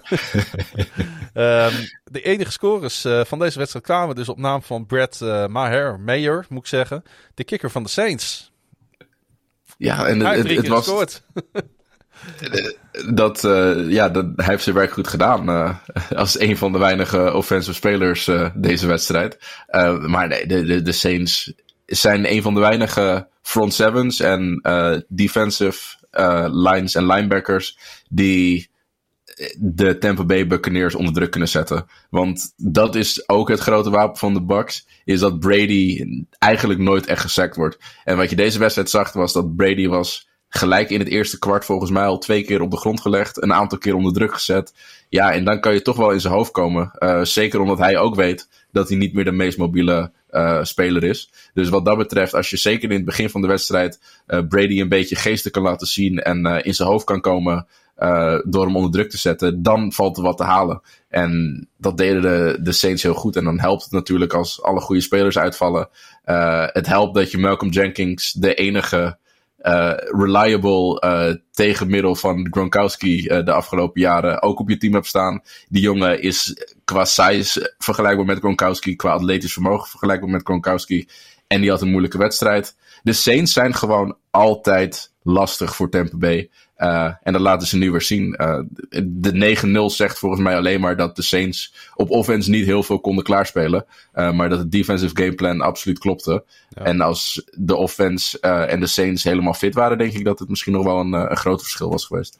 Ja, want het is natuurlijk heel makkelijk om te zeggen als je pressie kan brengen op Brady, dan, dan, dan win je zo'n wedstrijd of dan doe je iets goed. Maar je moet natuurlijk ook de spelers hebben om die pressie te brengen. En dat hebben de Saints natuurlijk met Cam Jordan, David uh, Onyemata en Marcus Davenport. Die dus gecombineerd 4 seks noteerden. Maar ik vond ook dat de secondary als een huis stond met Zeker. Marshawn Lattimore, die een fumble recoverde. Nadat Davenport Brady uit de pocket dwong. Hè? En, en uh, er was natuurlijk ook nog de pick van uh, Gardner Johnson. Uh, ook een hele aardige speler. later in de wedstrijd. dus dus um, uh, ja, uh, het klopt helemaal wat je zegt. Als je hem inderdaad ghost kan laten zien en je kunt gelijk die pressie brengen in het eerste kwart, dan krijgt Tom Brady een hele lastige avond. Maar er zijn niet zo heel veel teams die zeg maar deze combinatie aan spelers hebben om dat ook daadwerkelijk te doen. Zeker, en dat, dat komt ook uh, vanwege de, de, de lijn die ze hebben staan in, in, in Tampa. Dat, dat is niet een lijn die je zomaar uh, in de luren legt. Nee. Uh, en die hebben ze in, in New Orleans wel. Die, dat is gewoon top 5 front 7. wat betreft lineplay, offensively en defensively, is New Orleans gewoon een topteam. alles wat er omheen staat op dit moment, zeker op offense, is een beetje minder. Maar op de defense staat het gewoon als een huis. Uh, en hebben ze zeker het nummer van elk team in een divisie. Dus je weet dat als New Orleans tegen een team speelt in de NFC South, dat de kans groot is dat ze hem gaan winnen. Uh, en dat de kans nog groter is dat ze in ieder geval de goede gameplan hebben gekozen om uh, dicht bij die winstpartij te kunnen komen. En ja, ondanks dat Peter er volgens mij niet bij was, was het een, een, een, een perfect gekalde game. En zal die met heel veel trots vanuit zijn quarantaine gekeken hebben. Ja, en man of the match, wat mij betreft, uh, Cam Jordan. Hij werd, de Zeker. hij werd de 38ste speler in NFL history met 100 sacks in zijn loopbaan. Um, even uh, terug naar een andere kanshebber in de AFC. Tenminste, dat dachten wij allemaal vooraf aan dit seizoen. En ze wonnen gelukkig eindelijk voor hun weer eens. De Buffalo Bills die uh, de Carolina Panthers op bezoek uh, kregen. En uh, ik denk dat voor ieder team het heel fijn was geweest om de Carolina Panthers op dit moment op bezoek te krijgen. Maar zeker voor de Buffalo Bills. Josh Allen die had naar eigen zeggen weinig last van een verstuikte linkervoet. Maar zal desondanks blij zijn met de manier waarop met name zijn teamgenoten hem geholpen hebben om zonder al te veel moeite in Orchard Park de Panthers te verslaan. Devin Singletary noteerde met 86 yards een season best. En de door COVID uitgedunde O-line gaf gelukkig thuis in zowel blocking als pass protection. En dan denk ik dat we hier toch hebben gezien dat de diepte op het roster van de Bills zich, uh, zich deze wedstrijd goed heeft uitbetaald. Ja, ja nee, en het, het was mooi om te zien of uh, verfrissend om te zien dat uh, Josh Allen niet de hele offense was van de Bills. Juist. en dat is denk ik heel belangrijk voor ze om goed erin te krijgen, ook voor de playoffs. Want uh, als, we, als we iets hebben gezien dit seizoen en als iets mis tegengevallen van de Bills dit seizoen, is het uh, hoe afhankelijk ze zijn van Josh Allen. Dus uh, dat iemand als Devin Singletary, die in mijn ogen gewoon een een, prima running back is. dat die meer kansen krijgt en dat meer receivers opstaan. Dat is heel belangrijk voor ze. en op de defense hebben ze gewoon een, een, een, een team staan al het hele jaar. En dat hebben ze nu ook weer laten zien tegen Carolina. Dus ondanks dat Josh Allen natuurlijk de grote superster is, denk ik dat de Buffalo Bills het vooral voor hun defense moeten hebben. Uh, en hoop ik dat ze deze lijn kunnen doorzetten de aankomende weken, waarbij de offense meer gebalanceerd kan worden. Uh, zodat je ook daadwerkelijk kans maakt in de playoffs. Want dat is natuurlijk het eerste wat een team als New England gaat doen. Is ervoor zorgen dat Josh Allen een, een kutwedstrijd heeft. Ja. En uh, wie gaat het dan oppakken? En deze wedstrijd hebben jongens opgestaan. Dus uh, ze hebben nog drie wedstrijden om dat uh, uit te figuren voordat uh, de echte potjes beginnen. Want ik denk wel dat dit Buffalo team gewoon de playoffs houdt. Nou, het is een beetje de omslag die Lamar Jackson ook al heeft gemaakt. Hè? Die gezegd heeft van, moet je luisteren, ja tuurlijk ben ik een quarterback die goed kan rennen. Ja, dat weet ik zelf ook wel. Maar vanaf nu af aan, als het kan, word ik gewoon een pocket passer. En uh, dat is ook een beetje zeg maar, de mindset die volgens mij Josh Allen zich deze wedstrijd zichzelf heeft opgedrongen. Kwam misschien ook een klein beetje door die verstuikte linkervoet van, van vorige week. Um, maar hij gooit gewoon uh, drie touchdowns vanuit de pocket. En ik denk dat dat de mensen in Buffalo wel wat meer willen zien. Ja, en ik denk dat het ook te maken heeft met, met playcalling. Ik denk dat uh, de, de playcallers in Buffalo niet geweldig zijn. Dat ze niet geweldig uh, niet geweldig werk hebben laten zien wat betreft creativiteit om hun spelers open te krijgen. Uh, want het is ook heel veel Josh Allen, go do something. En misschien wat je zegt, heeft die verstuikte enkel ook daar een beetje een omslag gemaakt voor hun. Uh, om, om daar wat meer, nou ja, wat conservatievere plays voor hem ook neer te zetten. Waarin het niet zo is van, oké, okay, uh, hier gaan drie mensen gaan diep aan deze kant van het veld. We proberen een klein beetje de verdediging uit elkaar te spelen. Dan rol jij naar buiten toe en dan sling je die bal maar ergens erin. Uh, gewoon een stuk minder van dat en meer een plan om de defense, toch een goede defense in Carolina, eigenlijk geen kans te geven deze wedstrijd. En ik moet eerlijk zeggen dat de Panthers er ook eh, ze speelden op defense niet eens zo heel slecht, maar ze hadden eigenlijk de hele wedstrijd geen enkel moment, had ik het gevoel dat ze erin zaten. Nee, absoluut niet. En uh, de Panthers verloren ook alweer hun vijfde wedstrijd op rij, hun negende in elf wedstrijden. En het is toch een beetje, ja, wat kan er nog meer misgaan seizoen voor de Panthers aan het worden? Want uh, uh, kicker Zane Gonzalez, die moest een uur voor kick-off van het veld geholpen worden met een dijbeenspierblessure. Ja, en zonder kikker uh, en een fatsoenlijk alternatief voor Gonzalez gingen de Panthers er steeds ook maar voor op fourth down. Wat je natuurlijk een paar weken geleden bij Washington voetbalteam ook zag in die wedstrijd tegen de Seahawks. Dat ze er ook steeds maar voor gingen omdat de kikker geblesseerd uitviel. En uiteindelijk waren ze één uit vijf op fourth down. En dat is dan toch wel... Ja, en, dat is dan een beetje treurig achteraf, hè? Als je dat dan zo ziet. Dat je denkt van ja, alles zit dan ook tegen. Ja, en ik denk dat het ook wel een verschil heeft gemaakt. Want uh, volgens mij was het uh, ook al een paar keer gelijk aan het begin van de wedstrijd. Waar de Panthers in comfortable field goal range uh, stonden, als het ware. En dan uiteindelijk voor een moeilijke four down moesten gaan, omdat ze niet durfden te kicken. Ja, sneu. Ja. Alles gaat mis in Carolina. Ik ben blij voor Newton dat hij terug is. Maar het lijkt me dat hij na dit jaar hier, daar ook niet meer zit. Want ik weet ook niet zo goed wat die nog kan betekenen op dit moment. Nou, hij heeft 12 uh, op één volgende wedstrijd als starter voor Carolina nu verloren. Een spanner die nog teruggaat voordat hij vorig seizoen bij New England speelde. Uh, zijn laatste overwinning dateert van 4 november 2018. Nou, uh, wij, gaan, wij vliegen bijna 2022 aan. Um, wel voor, dat is wel voor de, de Panthers, toch? Ja, voor de Panthers. Ja, maar ja, dan ja, nog, um, um, het, het, het wordt hem niet meer, hè? Het wordt hem echt niet meer met Cam Newton volgens mij in, uh, in Charlotte. Volgens mij moeten we daar ook gewoon eerlijk in zijn. Nee, of ze moeten alles op Cam Newton zetten, maar dat lijkt me een heel dom idee. Want uh, je moet je hele offense omgooien als je met een QB als Cam Newton wil spelen. Uh, ik vond het ook een beetje een rare acquisitie, want hij, hij past niet echt in het systeem nu. Je ziet nee. nu gewoon een hele grote mismatch eigenlijk. Ja, ja, mee eens. Um, uh, en wat mij ook nog opviel in deze wedstrijd, want ik, ik ben dan altijd wel een beetje van, van waar, waar zit het hem nou in, hè? bij bijvoorbeeld Carolina. Uh, uh, discipline speelt volgens mij ook echt een rol. Uh, dat speelt het hele seizoen al een beetje een rol uh, onder deze coach en deze coachingstaf, waar natuurlijk ook de nodige problemen zijn geweest. Ze kregen slechts vijf penalties voor 55 yards tegen. Dat valt op papier mee, maar als je dan kijkt naar de straffen, personal fouls tegen defensive lineman Phil Hoskins, een face mask, Brian Burns, roughing the passer, Bravian Roy, unnecessary roughness tijdens een sideline uh, scuffle scoorde, zorgde er drie keer voor dat de Bills jawel, scoring drives konden verlengen. Uiteindelijk dus allemaal, waar alle penalties waren bepalend voor uiteindelijk de eindscore op het scorebord. En nou ja, dan heb je denk ik de mix te pakken, zeg maar, waar het in Carolina misgaat. De mismatch van de quarterback, discipline wat ontbreekt en een coachingstaf die er helaas ook in hun tweede jaar niet klaar voor is. Nee, zonde had ik niet verwacht. Ik weet nog dat ik uh, vorig jaar volgens mij ook vrij hoog was uh, op de uh, Carolina Panthers. ik, Joe Brady was een van nou ja, mijn favoriete playcallers in college toen hij bij LSU zat. Um, maar het, het, komt er allemaal niet uit. En daar moet je dan ook zo eerlijk in zijn. En ik, ik, denk dat het misschien voor Carolina ook tijd wordt om te kijken welke coaches er volgend jaar op de markt zijn. Ja, Joe Brady Want, is natuurlijk ontslagen twee weken geleden al. Hè, Precies, dus, uh, ja. Die, die hebben ze al geloodst. Terwijl ik uh, denk, uh, nou ja, dat het eerder aan de headcoach ligt in dit geval dan de OC. Maar goed, ze hebben gewoon ruzie gehad over de plays en over waar de poppies moesten staan. Ja, en, ja. ja, dan houdt het ook op natuurlijk.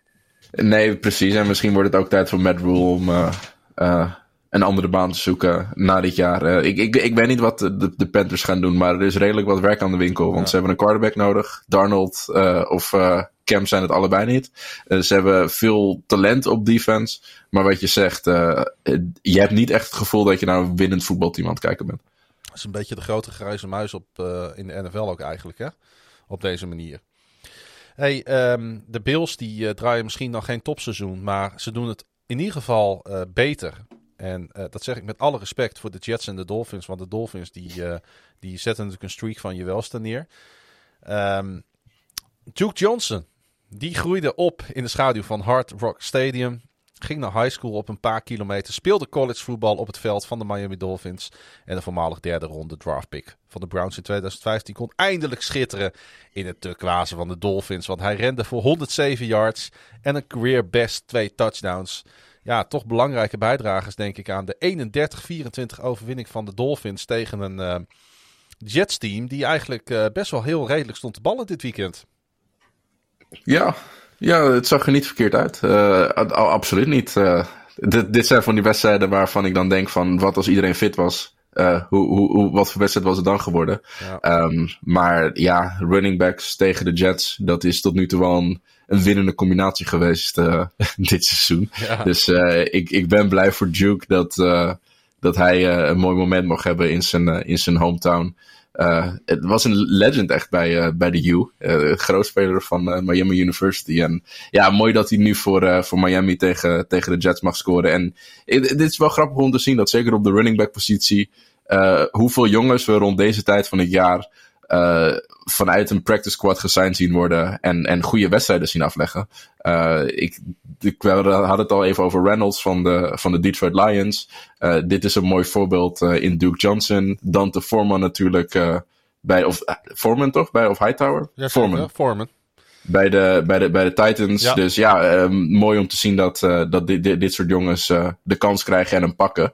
En ik denk dat de Dolphins, ja, uh, zeker op, op, de, op de rug van hun defense, een, een heel interessant team aan het bouwen zijn. De offense geeft niet veel weg. en, en weet de bal toch redelijk te bewegen. Ze maken weinig fouten. ik, ik denk dat Miami ook weer een vervelend team kan zijn. en het is toch mooi om te zien dat ze van een kutseizoen toch nog iets moois gemaakt hebben. En nu op de drempel van de playoffs staan. Denk je dat ze het gaan halen? Het zou zomaar kunnen, want uh, aan de andere kant, als je kijkt naar hun strength of schedule over de laatste zes, zeven weken, die was uh, niet zo heftig. De wedstrijden komen zo nog wel even op terug die ze gaan spelen, zijn een stuk lastiger.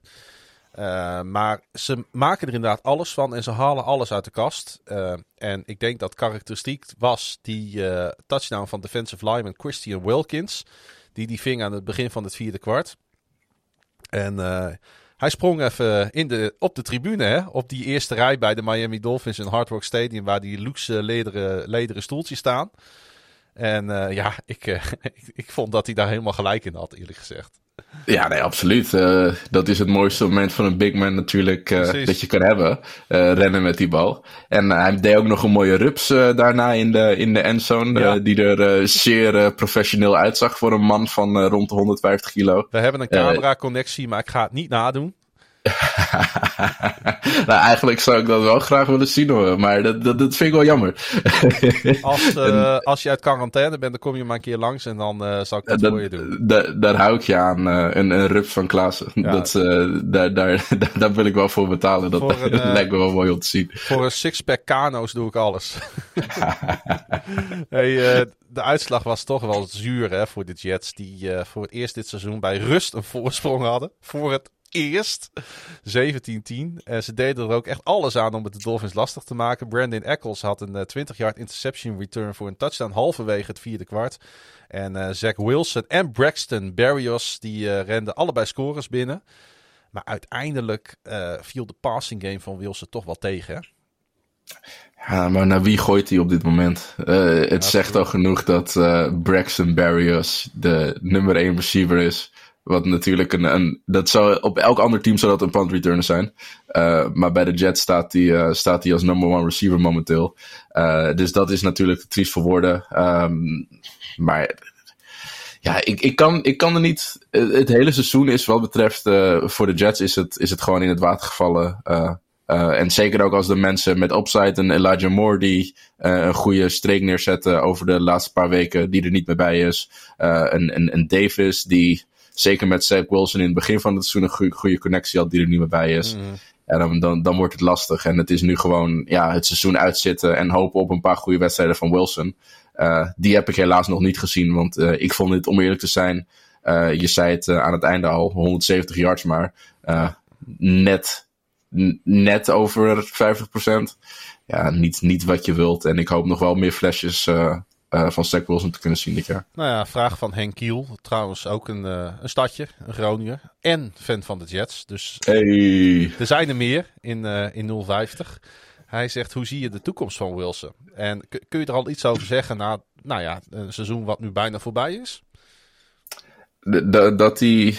Um dat hij niet heeft laten zien wat hij wel in college liet zien. En dan hebben we het niet eens over dingen die moeilijker worden. Want tuurlijk, het niveau is een enorme stap naar boven. Maar ook gewoon de basis, technische, saaie QB-dingen. Zoals uh, de, juiste stappen maken. Uh, het ritme van je stappen steeds hetzelfde laten staan. Laten zijn, waardoor dat je consistent bent in, in hoe je de bal gooit.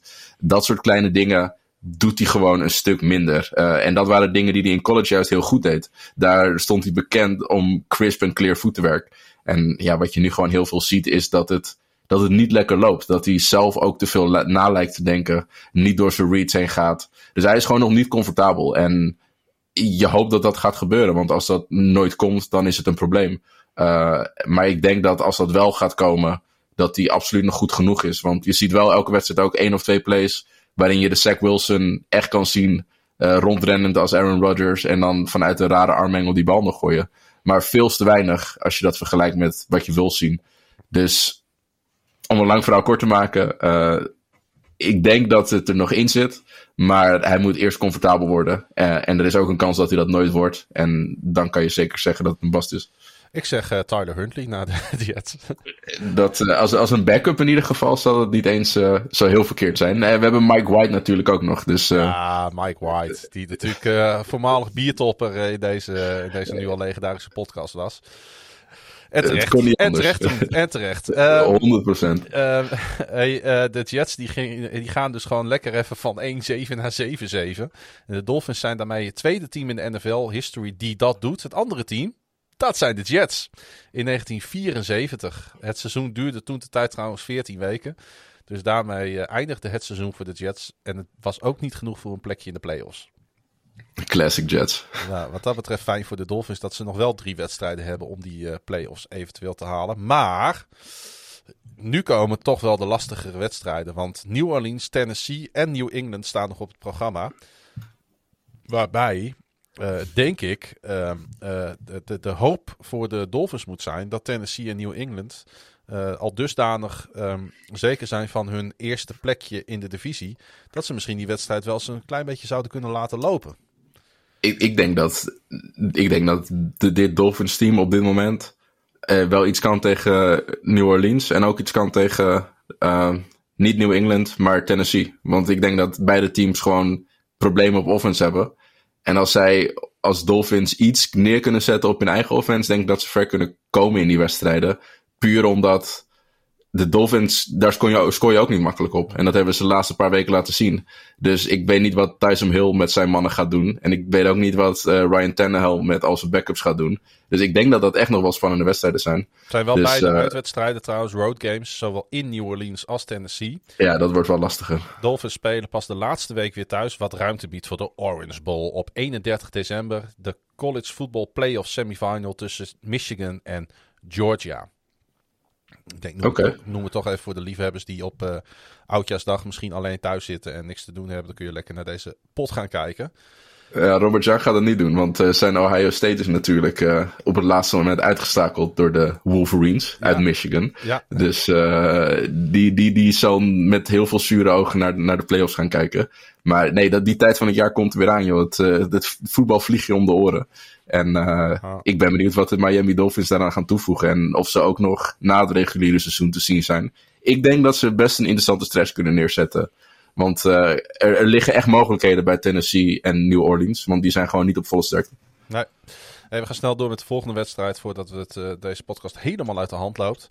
Uh, de Patriots, we hadden het er al even over, verloren namelijk. En ja, van de Colts, waar het maar om één naam draait. En dat is uh, die van Jonathan Taylor, de man die in zijn eentje mastermind Bill Belichick kan verslaan. Want de coach van de Patriots zette de line of scrimmage vol om de Colts te forceren te gooien. Taylor raakte er niet van in de war. De Colts raakten er niet van in de war. En hij rende voor 170 yards, inclusief natuurlijk die 67 yard touchdown run aan het einde van de wedstrijd. Waardoor het gat onoverbrugbaar werd voor New England. Een 17-27 einduitslag. En je een hele grote hoor. Als uh, Bill Belichick, die heeft de hele week maar op één ding gefocust. En dat is het stoppen van Jonathan Taylor. Ja. En dan zet je het alsnog neer uh, om 170 yards te rennen. Ondanks dat natuurlijk wel uh, 70 uh, van die yards op de, op de laatste play kwamen, min of meer. Mm. Maar al, alsnog zo dominant zijn. En ja, ik, de, de Colts die zijn, we hadden het over de run van Miami, maar de Colts die, uh, die zijn op een vergelijkbare run. En ik denk dat de Colts wel een stuk beter zijn ook nog dan Miami, want uh, het is niet alleen Jonathan Taylor, het is gewoon de hele offensive line die heel goed staat.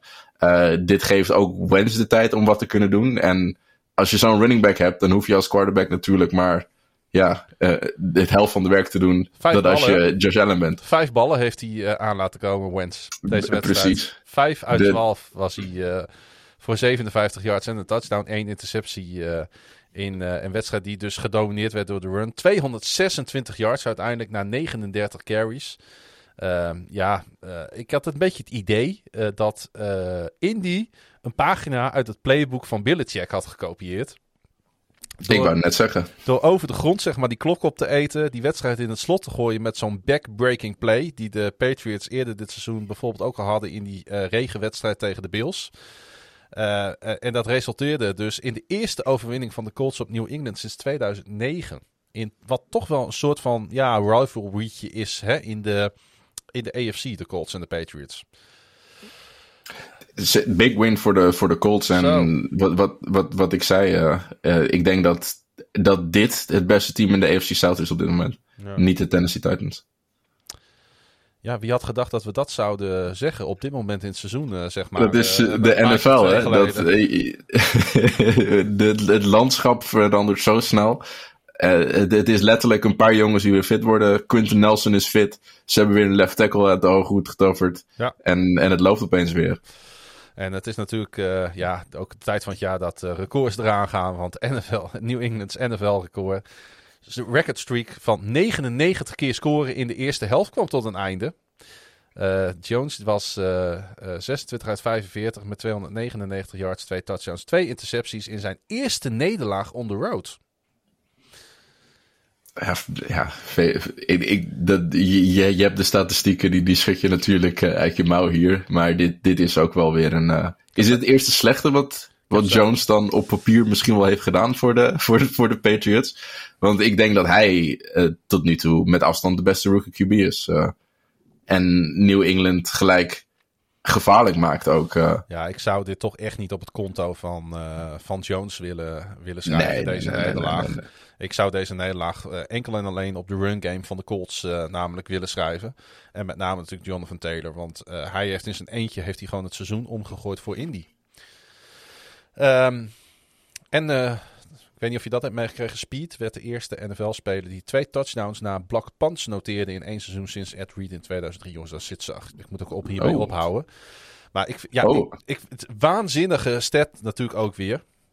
nog iets waarin de Colts heel goed zijn. Uh, de special team unit is, is ook het hele seizoen al echt on point. Zo, goed hè? Dus uh, dat, ja, het, is gewoon een goed voetbalteam. En uh, je wint niet zomaar tegen New England. En het feit dat, uh, dat de Colts dat gedaan hebben, door een gameplan uit te voeren, wat iedereen van tevoren ook wel kon bedenken, uh, ja, dat doet ze goed. En, en, en een team dat op mij, denk ik, misschien wel het meeste indruk heeft gemaakt deze week, als je vooruit kijkt naar de aankomende week.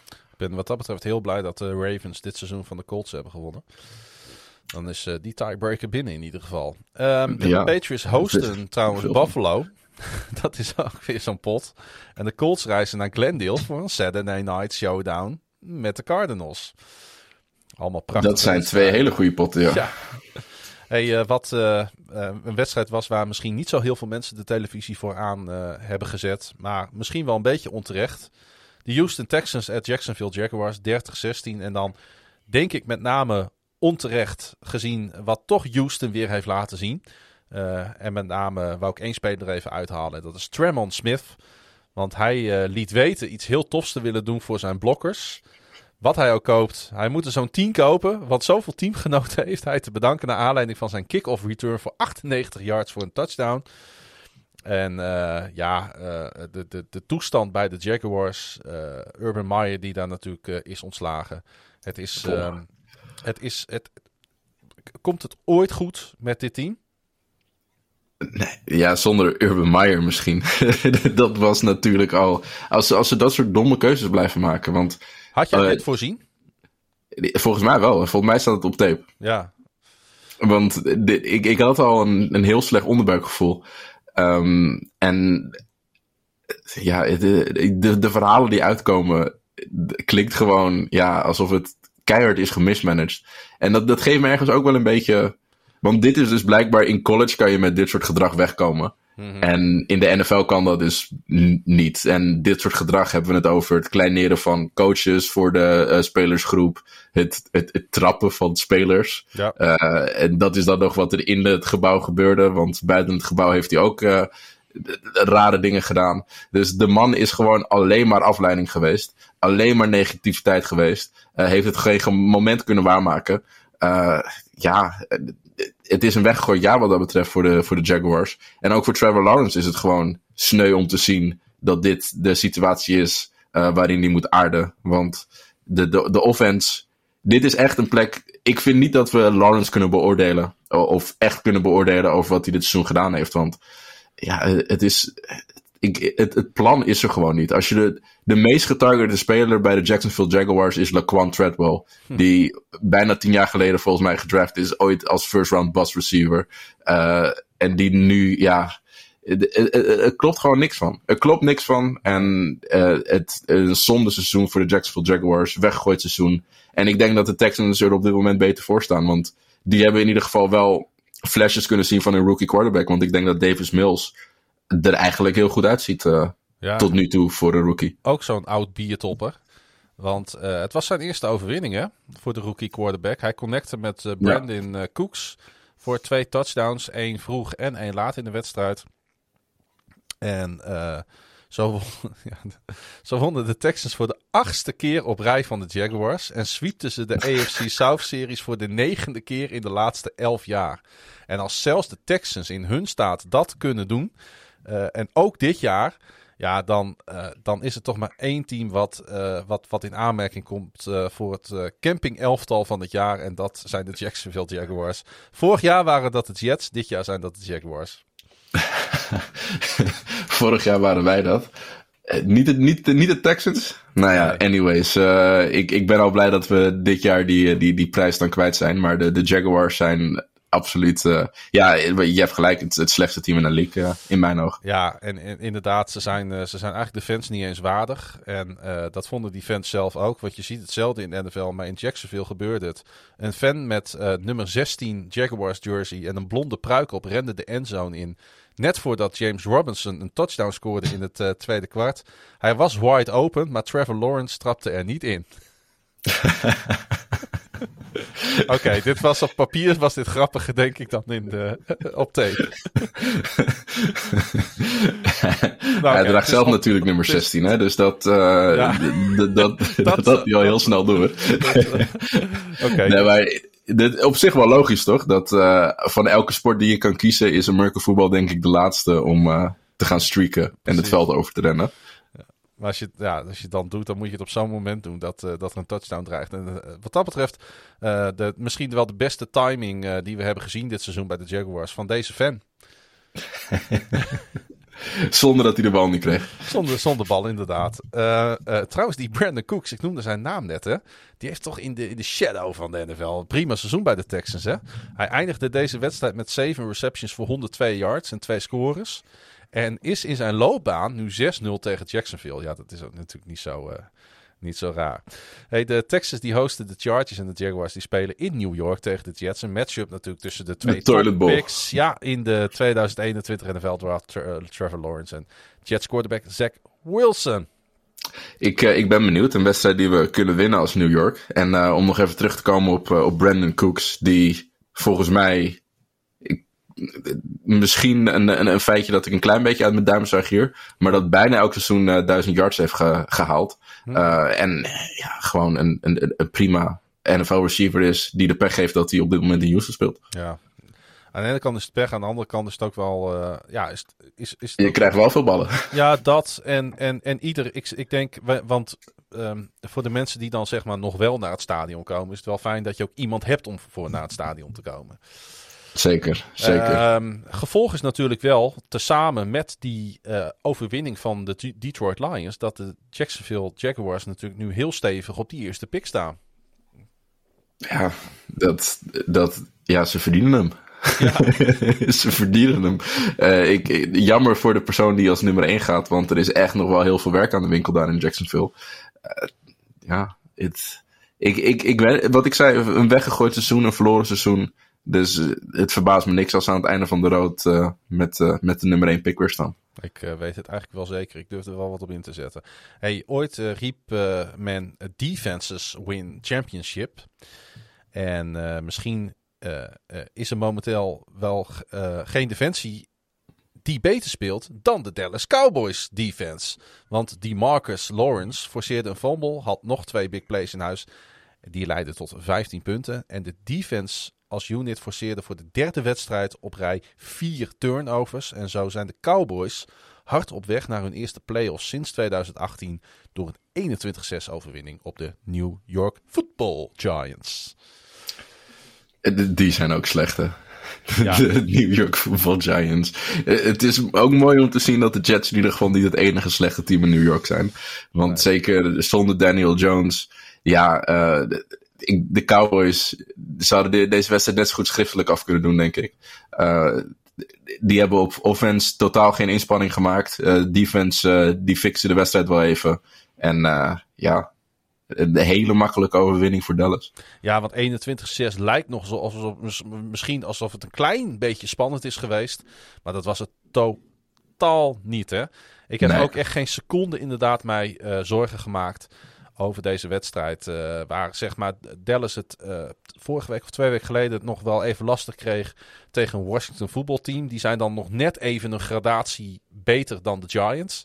Ja. Um, ja, uh, moet wel gezegd worden. Ze konden natuurlijk weer geen beroep doen op Daniel Jones. Ze moesten het weer met backup Mike Glennon doen.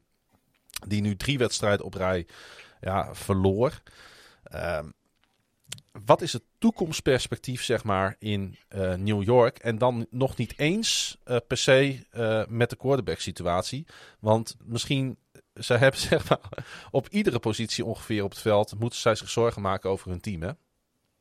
Ja, en ik denk voornamelijk op de offensive line. Ja. dat dat met afstand de grootste probleem is van, van de Giants. Want op zich is je receiving core oké met de namen die je hebt staan.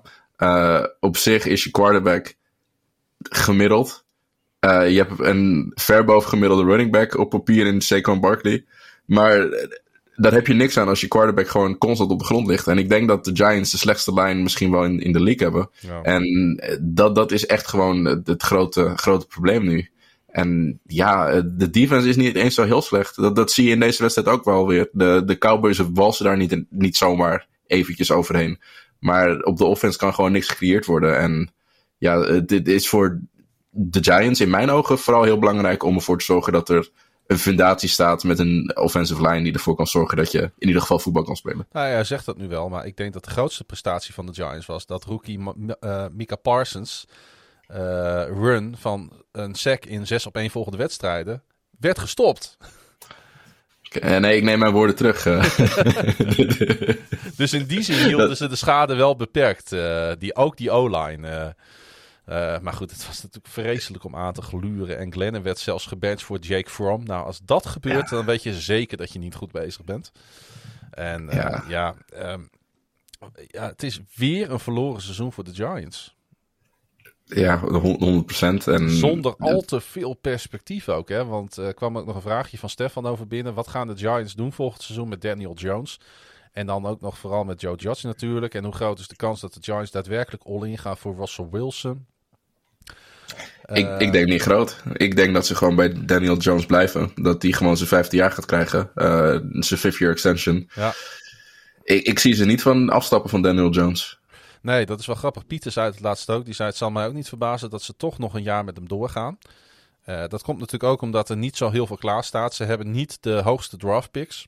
Ze hebben er wel twee, zeg ik ja. in mijn hoofd. Van de Chicago Bears natuurlijk. Ja, Um, ja, ik moet het ook allemaal nog zien. Uh, we gaan, uh, als het off-season is, gaan we wel eens even in die Giants duiken. En wat er eigenlijk mis is gegaan de afgelopen jaren. En de, de Giants zijn ook best een conservatieve franchise ja. uh, op dat gebied. En die hebben in hun hoofd gewoon hun franchise quarterback. En dan ga je niet je draft picks daarvoor wegruilen om dan te gokken met een nieuwe. Dus wat, wat, wat, ik, wat ik zei, ik denk dat, dat we een vijfde jaar van Daniel Jones in New York gaan zien. En als hij het dan nog steeds niet goed doet, dat hij dan daarna geloosd wordt, maar niet daarvoor. Maar het is wel genieten op zich, hè, dit seizoen van de Cowboys. Ze hadden ook een paar mindere wedstrijden, maar overal is het echt een heerlijk team om naar te kijken dit jaar. Op, uh, op, uh, aan beide kanten van de bal. En die gaan gewoon lekker uh, naar hun eerste playoffs sinds 2018. Eh, ik heb hier misschien een, eh, een hot take, maar uh, kan de, de NFC least van deze divisie gelift worden? Want ik vermaak me toch best wel met de teams uh, ja. in deze divisie, om eerlijk te zijn. Ja, op de Giants na inderdaad. wat ik, ik, heb, ik ben dan toevallig een paar weken geleden bij de wedstrijd tussen Washington voetbalteam en Seattle Seahawks geweest, waar ik erg genoten heb van Washington. Was echt een hele leuke wedstrijd om bij te zijn. En record-wise doen ze mee. dat geldt natuurlijk inderdaad ook voor Philly wat, uh, wat met Hurts. En ook die wedstrijd gaan we natuurlijk nog over hebben. Het is de laatste wedstrijd die op het programma staat. De Washington voetbalteam met de Philadelphia Eagles. En die hebben met Hurts denk ik een van de quarterbacks die het leukste is om naar te kijken in de NFL. Ze hebben, ze hebben een leuke offense hebben ze daar neergezet. Uh, en ik denk dat je, dat je daar die conclusie misschien wel, wel, wel uit kan trekken. En, Met een hele goede O-line. Precies, dat, dat is de, het sterke punt. En ze, laten de plays er slim van aflopen. Want zij weten ook wel dat de kracht van Hurts niet is om uh, drawback in de pocket de bal 30, 40 keer per wedstrijd te gooien. Uh, maar dat het vooral vanuit de uh, run options moet komen. En vanuit de, de, de rollouts waarin die naar de zijlijn toe rent en van daaruit een pass probeert te gooien. ja, en het is, ze hebben het voor elkaar. Het was even zoeken in het begin van het jaar. maar ik denk dat ze de afgelopen drie, vier, vijf weken zeker met Hurts die nu weer terug is, um, echt wel fundaties hebben om uh, een goede running game en een interessante offense neer te zetten. En ik denk ook dat Philadelphia nog best een kans hebben is om toch mee te doen misschien wel voor die uh, playoff plaatsen nog. Want ze spelen alleen nog maar tegen NFC East teams. Net zoals alle andere NFC East teams. dus daar kan echt nog heel wat schuiven ook. Als ik zeg dat als de Eagles de playoffs halen, dat Nick Sirianni in de mix voor Coach of the Year zit, zeg ik dan iets raars? Vind ik wel. Maar ik, ik zie. Bestaat er een Rookie Coach of the Year reward? Want daar, daar is hij wel. Nee, maar dat zou die inderdaad wel kunnen worden dan. Want in mijn ogen is Bill Belichick de enige uh, persoon die Coach of the Year kan winnen dit jaar. Als je ziet wat hij met een rookie QB en met een New England team heeft gedaan. Uh, hoeveel zich dat verbeterd heeft ten opzichte van vorig jaar. Is hij in mijn ogen de nummer 1 kandidaat. Oké, okay, daarom, daar, daarom zei ik ook in de mix. Nee, ik, ik denk dat je in ieder geval een case kan maken voor Nick. Ja, hij, uh, dat vond ik dan wel mooi om te zien. Hij kon zich niet inhouden toen Jalen Hurts wel heel slordig de bal verloor bij een fumble. Het zit natuurlijk een klein beetje opgesloten in zijn spel. Maar ik had wel het idee dat Hurts dat nodig had op dat moment. Want daarna heeft hij echt zijn unit aan de hand uh, genomen. En heeft hij ze ja, eigenlijk moeiteloos naar een overwinning op, op divisiegenoot Washington geleid. 17-27 werd het uiteindelijk. En Hurts rende natuurlijk zelf twee touchdowns binnen. Gooide ook nog een uh, touchdown. Um, om zo natuurlijk die vroege 10-0 achterstand goed te maken. Want het begon heel slordig bij de Eagles tegen een door COVID uh, totaal onhand uh, voetbalteam. Want ook daar uh, heeft het virus flink toegeslagen afgelopen week. Ja, dat was de reden dat de wedstrijd gisteren was natuurlijk. Ja, maar wel een ongelooflijk cruciaal duel voor beide teams. En dan, ja, kenmerkt dit toch een klein beetje het seizoen natuurlijk van Washington voetbalteam. Waar het, waar het net niet goed genoeg is. En aan het begin van het seizoen natuurlijk helemaal niet goed genoeg. En dan ruik je toch ergens, zie je in de verte die play-offs. En je denkt, nou, het zal toch niet. We kunnen ze misschien ook nog halen. En ja, ik denk dat, dat, dat deze wedstrijd wel heeft aangetoond dat uh, Washington voetbalteam er dit seizoen absoluut niet klaar voor is. Nee, ik, ik, ik denk ook dat het uh, net ver is. En mijn verwachtingen waren hoog van Washington aan het begin van dit jaar. Um, maar ik denk dat de defense heel slecht begon. Ja. Echt heel slecht begon. Ja. Um, 32e en dat... pass defense en vorig jaar eerste. Precies, precies. Dus ze hebben daar zo'n uh, uh, een, een, een drop gezien in, in uh, nou ja, de, wat, ze, wat ze deden op defense. en de offense is denk ik gegroeid en beter geworden ten opzichte van vorig jaar. Maar omdat ze zo ver naar achter waren gegaan aan de andere kant van de bal, kwam het er niet echt helemaal lekker uit. En nu met alle COVID gevallen uh, is het uiteindelijk uh, een nieuwe speler die ik nog niet kende. Uh, een van de weinige QB's die dit, deze week starten, die ik niet kende. Garrett Gilbert. Ja. Ik hoopte stiekem dat zijn naam Gil Gilbert was. maar helaas was dat, was dat niet het geval. ja, het, je wist eigenlijk al toen hij startte dat het, dat het er niet echt in zat voor Washington. Nee, zesde ronde pick van de St. Louis Rams in 2014. Ook even lekker om weer de St. Louis Rams te benoemen. Um, ja, hij deed uh, in al die jaren deed hij, uh, echt heel weinig NFL-ervaring op. In 2019 was hij nog quarterback bij de Orlando Apollos. Die bestaan niet meer. Die bestaan niet meer, inderdaad.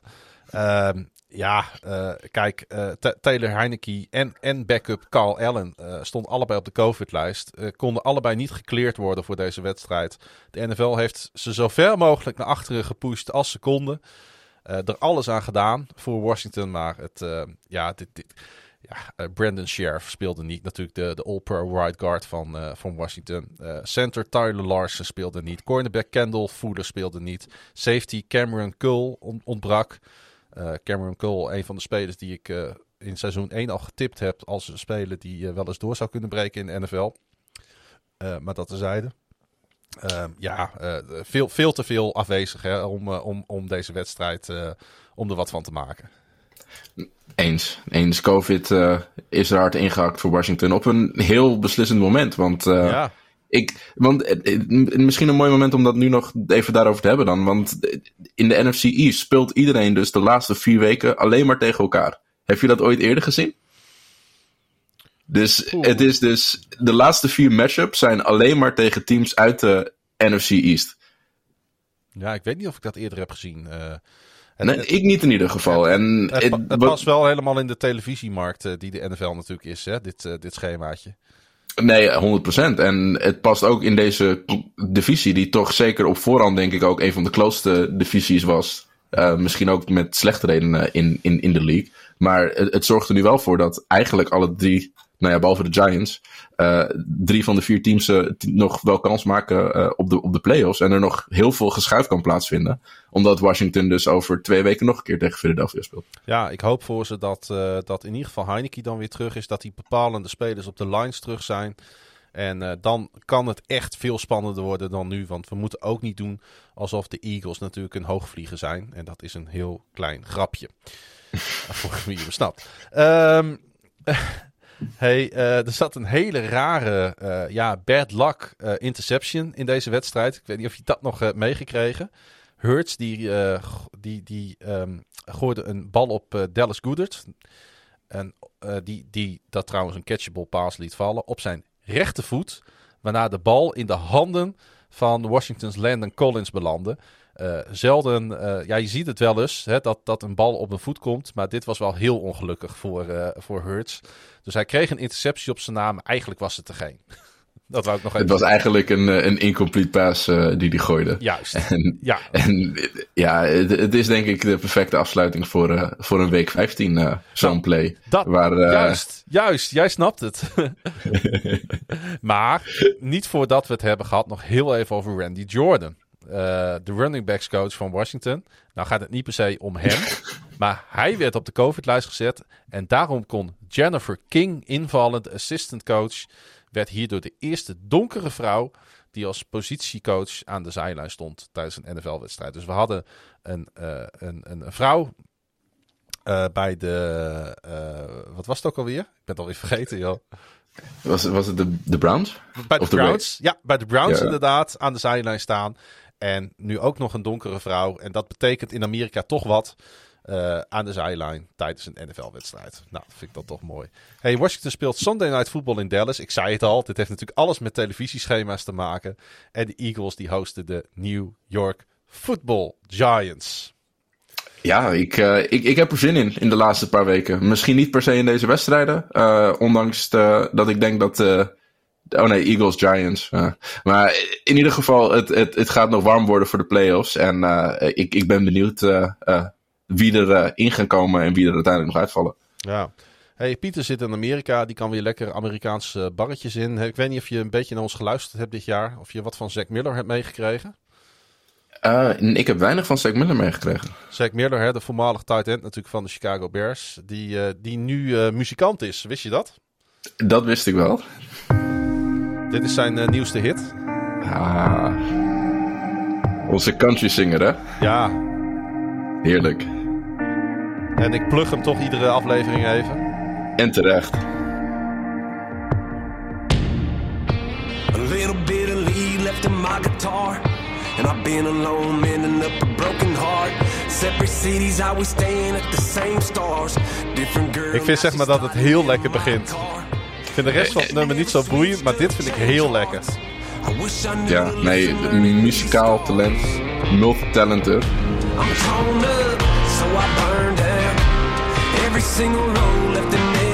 Weet je, als ik dan mijn ogen dicht doe, dan ben ik gewoon weer een beetje in Amerika. Dat vind ik dan... Uh, ik en uh, wat, wat is de artiestennaam? Zack Miller ook? Ja, het gaat... Nou, de artiestennaam. Dus, het is gewoon Zack Miller. Ja, nee, maar dat is ook wel een goede country naam, weet je wel. Dan hoef je inderdaad ook niet met, een, met een nieuwe te komen. Zack Miller. Het is een hele goede country naam, inderdaad. Hey, uh, geen uh, voor de mensen die er misschien op zaten te wachten. Helaas geen Who's That Man deze aflevering. Ik had echt, ik moest 16 wedstrijden voorbereiden. Uh, er lag ook een script van 14 pagina's weer eens deze keer. Dus ik had geen tijd om een Who's That Man voor te bereiden. Maar volgende week ga ik het gewoon... nou, ik ga je nu al vertellen dat hij de volgende week wel is. En uh, voor de mensen die nog, nu nog luisteren, volgende week neem ik uh, deze podcast weer zonder Pieter op. Maar ben ik in Eindhoven Oeh. met de podcast set. En dan ga ik opnemen met uh, Jeroen van den Berg. Hij is Detroit Lions fan en heeft heel veel gedaan in de sportwereld. En met mijn goede vriend Frank Metsenmakers, waarmee ik op reis ben geweest in Amerika. En ook ja, medevoorzitter van de Dutch Ravens vlog. Dus dan kom ik vanuit Brabant. Dus dat is. Ja, dat wordt weer een hele mooie. Uh, zeker uh, als Lions-fan heb je natuurlijk hopelijk wat mooie weken die er nog aankomen. Ja, we hebben het nou, iets meer dan anders misschien deze aflevering over de Jets gehad. En dan gaan we het volgende keer gaan we het iets meer dan normaal over de Detroit Lions hebben. Goed om te horen dat je de beste teams in de NFL weet uit te lichten steeds. Ja, heerlijk toch? Ja, maar ik vind dat. ik, nou, dat is echt. Ik vond dat echt een voorwaarde. Kan dat, ik vond het een voorwaarde om deze podcast te gaan maken. Dat alle teams hun aandacht krijgen. Omdat je hebt gewoon een verspreid fanbeeld hier in Nederland. Hè, ja. Je hebt gewoon geen markten zoals in Amerika. En natuurlijk zijn er denk ik relatief veel Patriots, Packers, Cowboys fans in Nederland. maar ja, ook de Arizona Cardinals fans die moeten aan hun trekken komen. En ook de Jets fans. En En, ook- Detroit Lions fans. En ook de Jets fans, inderdaad. hey, eh, ik, vond het, eh, ik vond het super mooi om dit weer te doen, Edu. Ik, ik ook. Ik, eh, ik heb weer genoten. En eh, Ja. het, was, eh, het was leuk om mijn mening te mogen delen met jou. Ja, het zou heel En leuk- met de luisteraars ja, natuurlijk. En het zou heel leuk zijn als het volgende keer gewoon weer lekker in de studio kan met, met een biertje face-to-face. Eens, ik ga hard mijn best doen om uit quarantaine te komen. En ik kan niet wachten tot de playoffs. Dus misschien dat we elkaar dan nog een keer spreken. Ah, misschien wel weer een Super Bowl show, net zoals de vorige keer. Dat, eh, daar ben ik altijd voorbij. Want dat was ook super gaaf. je kan mij natuurlijk volgen op Twitter via @klaasiegrun, dubbel A, dubbel S, dubbel N. Je kunt jou volgen op Instagram. Yes, at NFL Netherlands. En ja, nu nog niet zo heel veel. Maar als de playoffs eraan komen, dan eh, beloven we weer wat in petto te hebben voor jullie. En volg ons natuurlijk ook gewoon eh, via de social media kanalen. Het NFL op woensdag op Twitter, Facebook, Instagram. En eh, volg ook even KVM Media. Kijk even op kvmmedia.nl wat voor andere mooie podcasts dit eh, Groningse podcastconglomeraat nog meer maakt. En dan eh, ben ik volgende week ben ik, weer terug. met hopelijk Pieter vanuit Amerika. We gaan proberen een lijn op te zetten. En, en dus Frank en Jeroen vanuit Eindhoven. Ik wil iedereen bedanken voor het luisteren naar NFL op woensdag. Dit was seizoen 2. Het is ongelooflijk maar waar, maar dit was alweer aflevering 30. Beste weer. Joe. Zo. Ah.